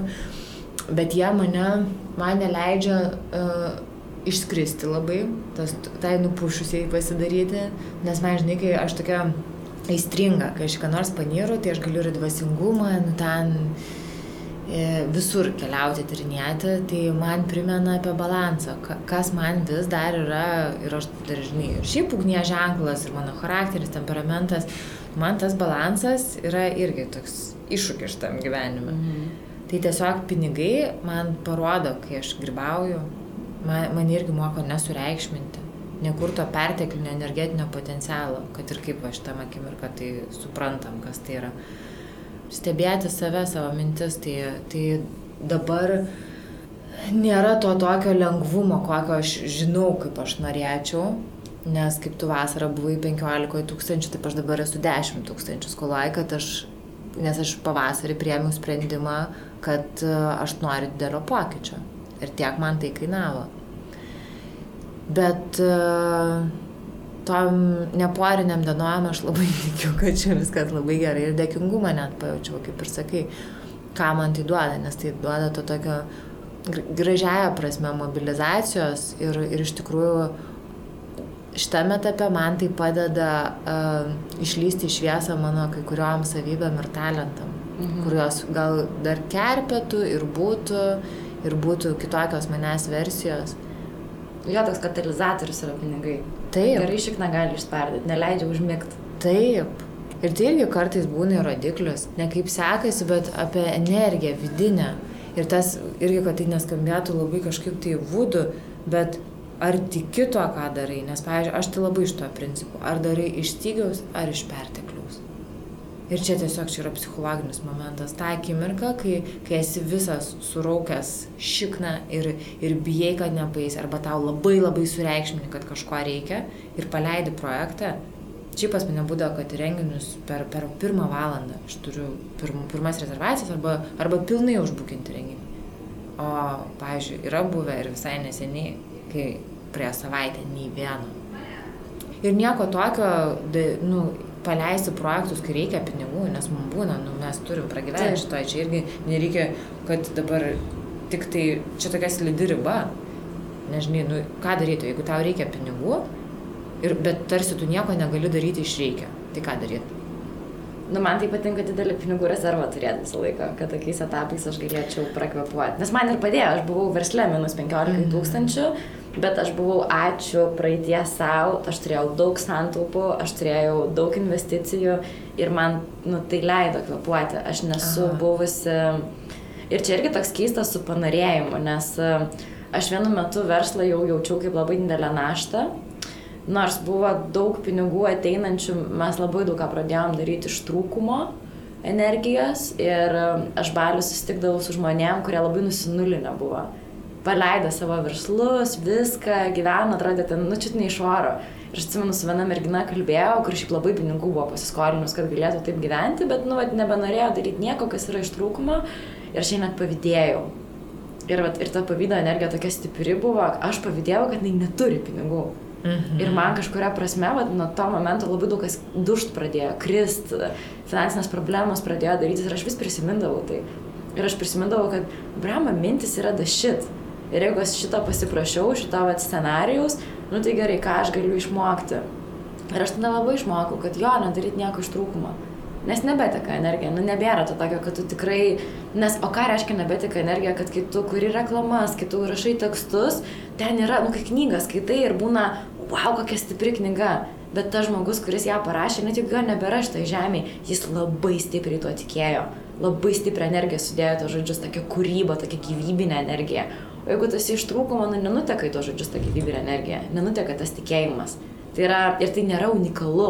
Kai mes darom kažką iš baimės ir trūkumo, mes norim padaryti saugiai, jau Va, būtent saugiai, va čia labai Jo, gerai. kad labiau pirktų žmonės, nes tai yra toks, taip žinai, jau patestuotas dalykas, mm. bet didžiausias įmonės nesusikūrė iš saugiai, susikūrė iš unikaliai. Bet čia žinai, čia kaip Fordo, neklaus žmonių, ko jam reikia.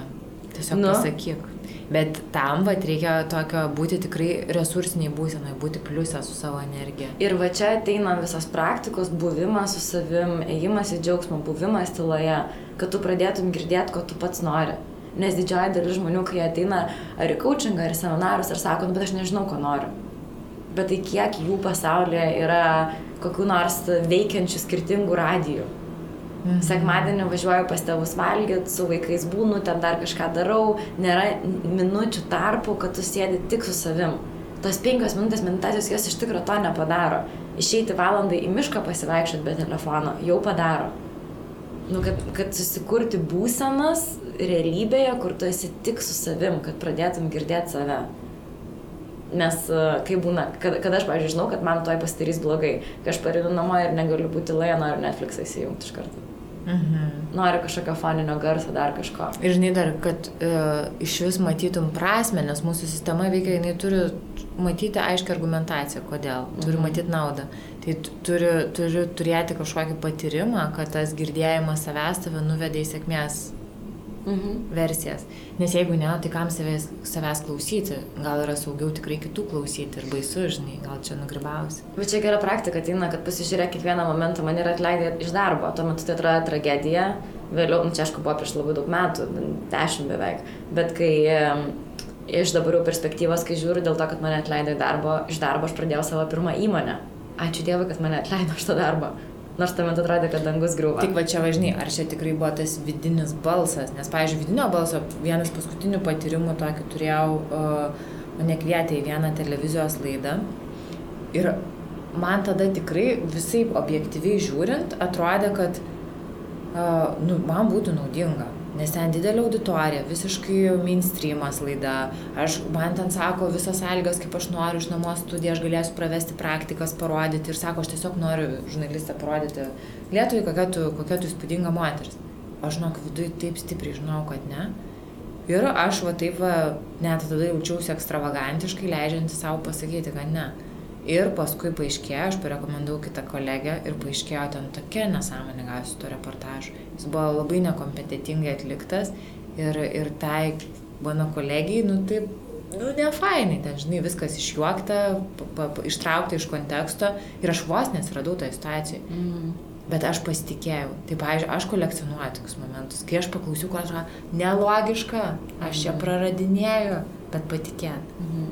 Nu ir šiaip taip pat dar patikėt, kad kartais ir visata atsiūs pagalbos. Aš, pavyzdžiui, kai e, buvo labai sunku, nuėjau masažą veido, mane masažuoja ta moteris ir jinai vieną metą atsitraukia ir sako, aš žinokit nebegaliu. Jūs tokią naštą ant savęs nešat, šitokį akmenį, sako, aš net liestis per jūsų negaliu. Ir aš ten taip stipriai išsiverkiau, aš ją pirmą kartą gyvenime matau ir jinai tikrai su manim išbuvo, man ten, nu, žinai, kur tu verki ir tau jau rašaras ir Vau. snargliu, kaip viskas eina. Ir sakau, aš šitaip noriu paleisti, bet man šitaip baisu yra. Ir jinai sako, paleiskit. Ir aš va, iš tenai išėjau ir aš parašiau tokį laišką savo išėjus, bet man buvo taip baisu priimti sprendimą, kur tu sakai, va, baisiausia yra nepriimti sprendimą ir aš ten mėnesį vaikščiau neprimdama sprendimo, pradėti man šitą naują savo projektą ar nepradėti. O šitas naujas projektas yra Rasai Senyta, kaip sujungti dvasingumą ir absoliučią materiją, kaip būti ir žemės gyventoja, nu bet ir visata pasitikėti. Ir man atrodo, tai baisu parodyti šitą dalyką pasauliui. Ir aš tiesiog tenai nusprendžiau, kad ne, aš per didelę kainą moku, bijodama save parodyti. Mhm. Aš jau geriau parodysiu save ir aš vat paleidau tą baimę. Tai man atrodo, kad kartais visą tai yra vat toks ženklas mums atsiunčia. Tai- masažistė, kuri Nu, nuostabi moteris. tokią žinutę atsiunčia. Taip man yra buvę, kad aš kai dirbau korporate ir jau visiškai nebenorėjau, jau ėjau per skausmą, bet alga buvo nerealiai gera. Nu, vad korporatas turi tą, kad e, neturi labai didelės atsakomybės, bet turi labai gerą algą ir labai tave gali įsukti. Ir aš ten sėdėdavau iki labai vasarą, buvo karšta, devynios vakaro, aš dar sėdėdavau darbę, nes aš norėdavau tobulai padaryti, labai norėjau pavaryti. Labai tada prabudo tas I'm not enough ir tada dirbsiu ekstra, ekstra, ekstra. Ir prie manęs valytoja, prie, nu, tvarkytoja ten to ofisą ir sako, mergaitė, jūs tokia jauna, jūs tokia graži, jūs taip spinduliuojat potencialą, ką jūs čia darot? Ir jinai man tikrai kaip Dievo atsista buvo. Taip. Aš kitą dieną padėjau pareiškimą ir aš supratau, kad aš išeinu. Nu, vat, kartais va taip, ir mes, yra tie ženklai ar nėra tie ženklai? Nu, aš tikiu, kad yra. Ir čia, žinai, gal mes skirtingai vadinam, bet kai, kai duodi pavyzdžius, tada gal kažkas gali kitaip žutam žodinę, nes tos savokos jos kontekstualios. Taip. Bet man tai vėl grįžtų prie to paties, kad norisi gyventi, kad būtų įdomu gyventi, tai man mm. įdomiau gyventi realybėj kurioje yra daug surprizų, staigmenų, tos tokio, žinai, nenuspėjamumo momento, magijos, jo. tai galima pavadinti tiesiog, nes tada yra to noro keltis ryte. Jo, kad yra įdomu. Taip. Man atrodo, čia visiškai raktinis šito pokalbio žodis yra, e, kad turi būti įdomu. Ir tu kalbėjai apie savo tėvelio mirtį. Aš lygiai taip pat sėdėjau savo 12 metų tėvelio laidotuvės buvo. Aš mhm. pirmą kartą supratau, koks trapus yra gyvenimas. Ir aš žiūrėjau mirusi tėtį ir aš pagalvojau, kad bet šitas gyvenimas taip lengvai gali baigtis ir kaip svarbu, kad būtų įdomu jį gyventi. Nes jis iš tikrųjų baigsis. Žmonės gyvena įstrigę situacijose, kuriuose nenori būti, bijodami būti kažkokia tikresnė, naujesnė savo versija, bijodami išeiti į tą įdomumą, bet antrą gyvenimą niekas neduos. Ir žinai, vat, man čia koreliuoja, mes Rygoje su tavimi neseniai vaikščiam ir tu man pasakai, kad turi tokią draugę, kur yra labai švelni, labai tobulai graži ir jinai tokia angeliška visa. O, na, nu, aš, žinai, žmonės gali susirasti tavo nuotrauką, tu esi nagla, esi su afrikietiškom juodom kasytėm čia sėdinti, didžiausiais žiedais apsikaršys ir tu pasakai, kad tavo archetipas yra toks labiau kali Nu, tokia, žinai, kur gyvatės iš galvos. Kali, ne kalė. Jo, patikslinu. Bet tokia, žinai, nu, ta patavė yra tokios uh, erotiškos energijos, tokios juodos energijos, bet ir labai galios didelės. Nu, tu nesi ta angeliška moteris. Bet tu labai bandai save įsprausti tą rėmą. Ir vat, man atrodo, čia tokia irgi graži metafora yra, kad kartais mums per baisu būti savim. Taip, nes vat atrodo kito versija, tai nors labai gerą klausimą savo užduoti kontrolinius klausimus, pavyzdžiui, ar aš norėčiau to žmogaus gyvenimo, kur man ta draugė labai patinka. Jis tikrai nuostabi moteris, bet aš nenoriu nei jos vyro, nei jos darbo, nei jos santykių šeimininių, nei netgi kai kurių drabužių nenoriu. Nu, tai ko tu nori tada? Kodėl tu nori būti kaip jinai? Norėjai. To jausmo, taip kaip aš ją mačiau, koks kyla jausmas žmonėm. Labai gerą klausimą uždavė. Nes aš pagalvoju, jeigu kiti žmonės taip jau susižėdami mane, kad jiem yra toks įkvėpimas, toks wow, toks kažkoks nepaliečiamumas, teisingumo jausmas, bet, bet čia irgi čia. Bet aš kitų... tave žiūrėdama taip jaučiuosi. Nu, tu man sakai, kad aš labai drąsi. Man, žinok, man, man taip keistai skambėdavo šitas, nes kaip, kaip šiandien aš tau sakiau, tu, esi, tu išradai podcastus, tu esi gimas daryti podcastus, o gali dalintis, kad visai jautru, kad irgi tai, žinai, tame sugrįžti mes taip skirtingai dar save matom, todėl aš ir sakau, ką mes vidury pokalbio kalbėjom apie tą įstikimą, ar tikrai nereikia tų išorinių žmonių. Reikia ir tai yra nuostabu, mes kartais taip lengvai kitam galim pasakyti dalykus, kurių patys savie nematom. Ir labai fainas momentas klausytis, pavyzdžiui, praktiką padaryti savaitę, klausyti, ką aš nekiek kitiems žmonėms. Nes 9 procentų tų tekstų yra savo. Viską, ką patarinėjau Mhm. Mes dažniausiai patarinėjom savo, sa, sa, savęs tai bijančiai, nedrįstančiai versijai. Mhm. Arba klausyt, ką pasakoji, ką skundėsi draugiam. Nes dažnai išsiventiliuoji tiesiog ir atrodo, ai ir gerai. O iš tikrųjų išgirsti, ką ten sakai ir pamatyti, kad tai yra tavo gyvenimo problema, kad tu turi prisimti atsakomybę, kad taip nebūtų. Jo. Man atrodo, kad labai svarbu, kad žmonės, kurie klausosi šito pokalbio, turbūt žinutė, kurią aš labai noriu perduot, kad nesvarbu, ką kalba Monika ir Rasa kad tu turi būti savim. Kad yra tiek daug skirtingų versijų, kaip būti, daug žmonių, kurie atrodo, kad yra supratę, nežinau, ten kaip gyventi arba kažką apčiuopę, viskas yra nesvarbu. Versijos yra nesvarbu. Tu turi savį išgirsti, kas tau čiurlena. Kas tau Absoliučiai nežinai ir ta Monika ir Rasa, jos irgi yra neapčiuopiamos. Nu. Nes šiandien yra vienoks mūsų pokalbis. Tik todėl, kai daug dalykų šiandien vienaip tau atsakau, nes man vakar tikrai buvo tokia nu, stipraus lūžio diena. Vakar dar kitoks būtų buvęs pokalbis. Ir mes, kažkaip, bandom kažkaip tai lygiuotis, tarsi, o čia va tai išmintis. Pavyzdžiui, man yra labai daug dalykų, kur kitiem veikia, man neveikia. Vienas iš tų, va čia, kad iškart pavyzdys, man visiškai netinka modelis, darant projektą arba dirbant vieną darbą, saugiai ieškotis kitos veiklos. Aš esu tokia aistringa šimtaprocentinė. Aš šoku, stačia galva, mano charakteriui, natūrai tai tinka, aš galiu save dresiruoti, bet man neišeina. Man tada daug labai kančios ir frustracijos susikelia. Aš šoku stačia galva ir aš, aš negaliu, da, net nemėgstamą darbą aš negaliu 5 procentų daryti. Mm. Todėl, žinai, reikia rinktis, ką aš mėgstu. Ir, ir vadinasi, tie, žinai, patarimai, kaip tu sakai, va, tu turėjai tą buferį mhm. finansinį ir tu dėl to saugiau teisi galbūt aš gyvenime, va taip susidėliosiu, čia tiesiog yra didesni pinigų srautai, bet, bet man va tas saugumas, kai mano yra mm, tokios ekstremalios situacijos, man tada užsikūrė visi varikliai, ten kažkoks genijus vidinis prabunda ir man šauna tokį pasiūlymą, kur aš iš savo komforto zoną aš jo niekaip mhm. nesugalvoju. Nu, ir yra tokių mažų būdų eiti iš tos komforto zonos. Pavyzdžiui, mes su tavim, nu, ne kartu, bet važiuojam maudytis į ežerą ir pradedam važiuoti tada, kai jau pasidaro šalta, rudenį. Mm. Tu tai iš viso kitėjai maudaisi. Ir man atrodo, kad aš esu tokia kažkokia išradus savį dalyką, kad jeigu tikrai nori didelių dalykų gyvenime, do something hard. Nu, padaryk kažką, kas yra sunku. Kad ir po šaltų dušų pradėk maudytis. Arba aš plenką laikau ir būna šitaip sunku, dar su svareliu ten ką nors darai ir suvokti, kad tame yra prasmės nes tu parodai savo sistemai, kad tu gali kažką sudėtingo padaryti. Ir tada jau, kai sėdi prie darbų, tie darbai nebetrodo tokie sudėtingi. Nu, bet iš tų komforto zonų kažkaip paimti, kaip nesinori eiti pabėgioti rytą, kai lyja ir yra šalta. Ir išeiti pabėgioti. Sėdi darbė ir kaip nesinori eiti džimą, nes taip galėtum nueiti kavutės pasidaryti ir taip patogiai prie stalo dar pasistėti, nueiti. Kad kiekvienoje dienoje nu, mes kažkaip save irgi treniruojam. Ir žiūrėt, ką treniruoji ar treniruoji tą tokį raumenį, kuris sako, kad ai, nu ir esi nepakankam, ir čia niekas nepaeis, ir čia nesaugu ir taip toliau, ar treniruoji tą raumenį, kuris sako, ai, davai varom, aš savim tikiu.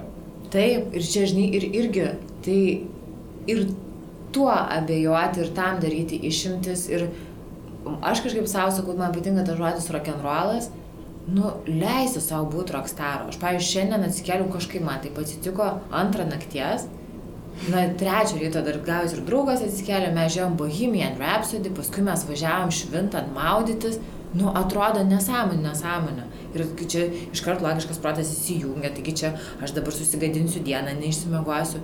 Bet kartais ir tas visas taisyklės, žinai, mm -hmm. fū, išmesti ir kažkaip kitaip padaryti, tada vėl grįžti, tiesiog tyrinėti. Šiaip susirašyti gyvenimą, nu, kokios tau taisyklės, kokios yra susikūrusi arba atsinešusi iš vaikystės aplinkos gyvenimo taisyklės, kas galima arba negalima. Ir paklausti, ar man čia tikrai šitas tarnauja, mhm. ar aš tikrai noriu čia šitų taisyklių. Man atrodo, čia labai galingas toks pratimas, ką su savim pasidaryti. Nes labai galiu suprasti, kad, wow, kokiam aš kalėjime gyvenu. Ir kaip man čia netinka šitas. Jo, ir kodėl tas įstatymas. Ir, ir kas man bus, jeigu aš tai padarysiu. Nieko. Nu, ten, žinau, gali įdomių atsakymų duoti protas, kas tau bus, jeigu tai padarysi. Šiaip visą laiką yra kažkokių trade-offų. Jo, gali būti, kad atsidursi finansiškai nesaugioj padėtyje, gali būti, kad nuo tavęs draugai nusigręž, žmonės nusigręž, dar kažkas. Bet viskas yra laikina. Atsiras nauji žmonės. Ir toje patirtyje irgi bus kažkokia razika. Jo. Kažkas gero, kažką vadinasi galima išspausti ir sus, susivokti. Taip. Aš nuoširdžiai esu dėkinga už tą, nu gerai, aš dabar jau nebėra tos skolos minus 15 tūkstančių, aš labai ten susiracionalizavau ir padariau labai daug sprendimų ir mes iš to išėjom, bet aš suvokiu, kad aš net ir tą galiu atlaikyti. Čia irgi yra rizika. Ir tiesiog kaip iš tikrųjų išsiplėtė tavo komforto zona. Nu. Ir ačiū Dievui, kad tai buvo. Ačiū Dievui iš tas visas sunkias patirtis.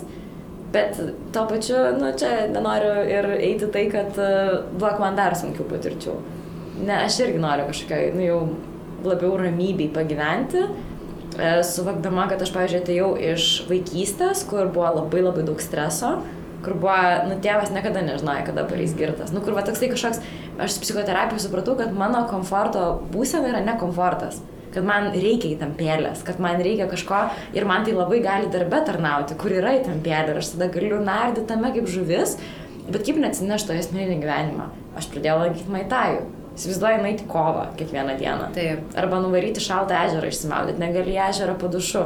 Nu, vad, kad tiesiog taip giliai pamatyti ir pažinti save, net ir tokia, kokia nenori būti, labai sunku savo pripažinti, kad tu esi toks žmogus, kuriam reikia tampėlės gyvenime.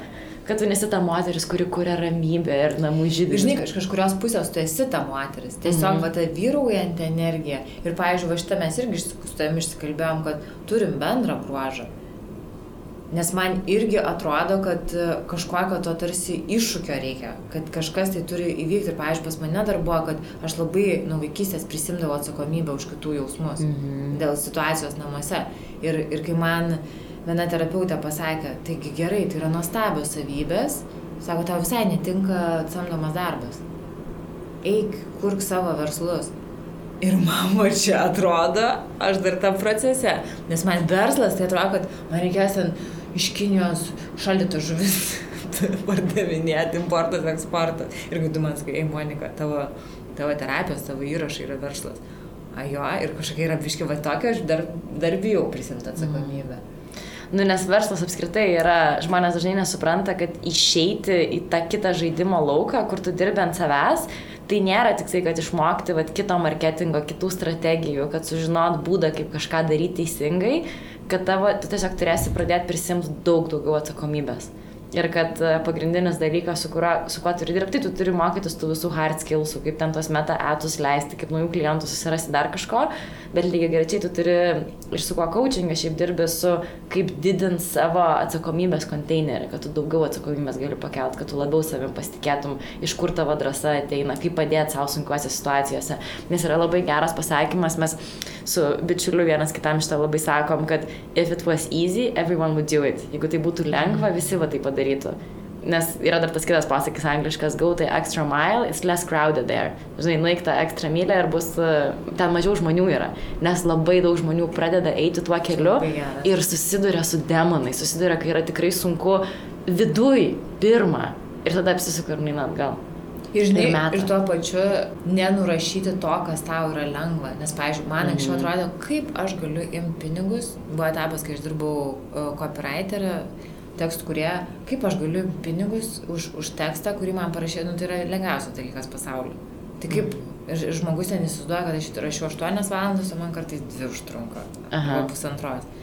Arba kartais 20 minučių. Nu, ir man tada atrodo, ne, aš jeigu dirbti, tai turi būti kažkas, kur aš iš tikrųjų pastenėsiu sėdėdama. Taip, bet aš to tą patį norėjau pasakyti, kad kai man reikėjo atsisėsti savimi į akistatą ir suvokti gerai, ką aš galiu pati daryti ir ko pati negaliu daryti. Ir kur aš rašiausi tą mhm. sąrašą, kad aš finansų negaliu pati daryti, strategijų pati nenoriu daryti, aš tiek daug dalykų prisirašiau, kurių nenoriu daryti ir man atrodė, kad tai, ką aš lengviausiai galiu daryti, yra menka.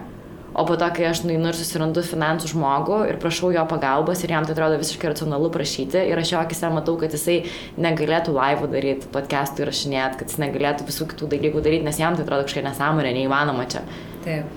Bet vat, būtent, ką tu sakai, su, su gilia pagarba ir labai stipriai pirmą pati savo įvertinti, kad tai, ką tu gali geriausiai daryti, yra labai vertinga.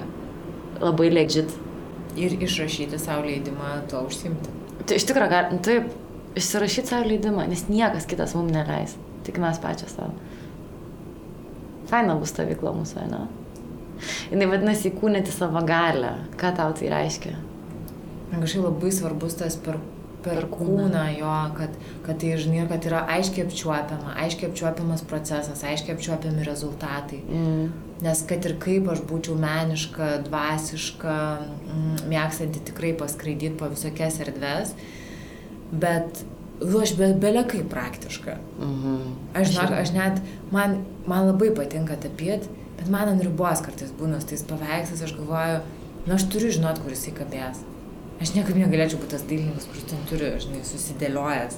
Man labai pritaikomumas, tai dėl to va šitoje stovykloje irgi tos praktikos um, man labai norisi aiškiai žmogui, su kokiu, kokia tema eina ir kokia yra galimybė, kas gali pasikeisti. Bet kodėl aš sakau, yra galimybė. Kodėl, žinai, nes marketinginių požiūrės, kad tikrai tai įvyks. Taip, taip, taip. Įvyks pokytis per savaitgalį, savęs nepažinsi, tai yra įmanoma. Visatoje iš tikrųjų vyksta pokytis. Na, tai man tai buvo moterų stovykla, aš nuvažiavau ir man ten lūžo. Man buvo, aš į Peru išskridau po to, man mm. gyvenimas apsivertė, mano visi metai kitokie buvo.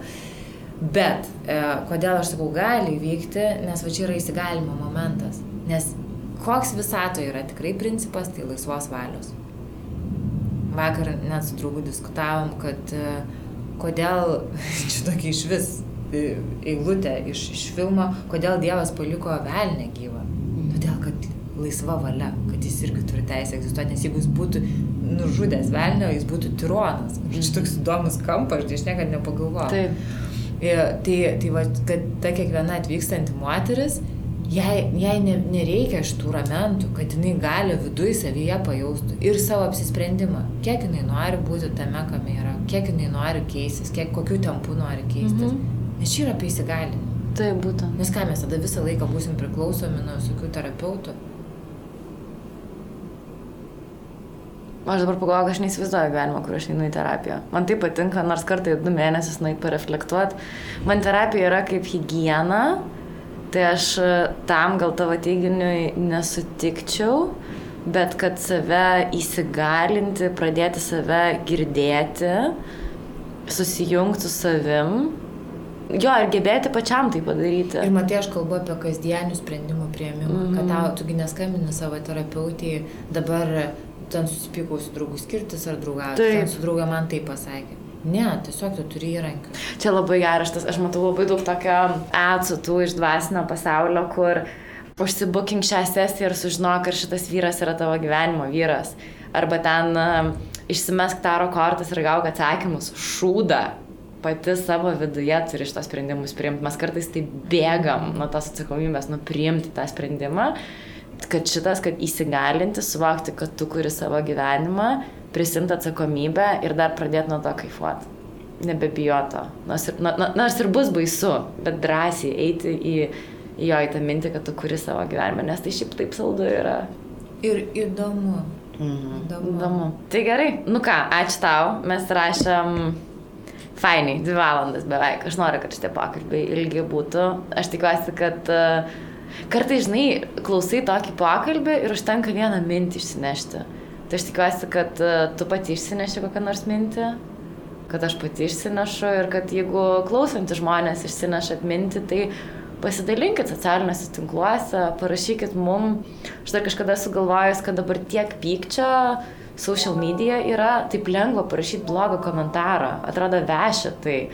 O šiandien stovėjau kaviniai, žiūrėjau moterį ir norėjau pasakyti komplimentą, kad labai gražiai atrodo, ir ten greit išėjo ir aš kažkaip nebepasakiau. Ir kartais atrodo tą gerą dalyką net labiau gėda pasakyti negu blogą, blogą tiekšti lengviau. Tai čia gal ir yra kaip keiti pasaulį, vieną žinutę at a time.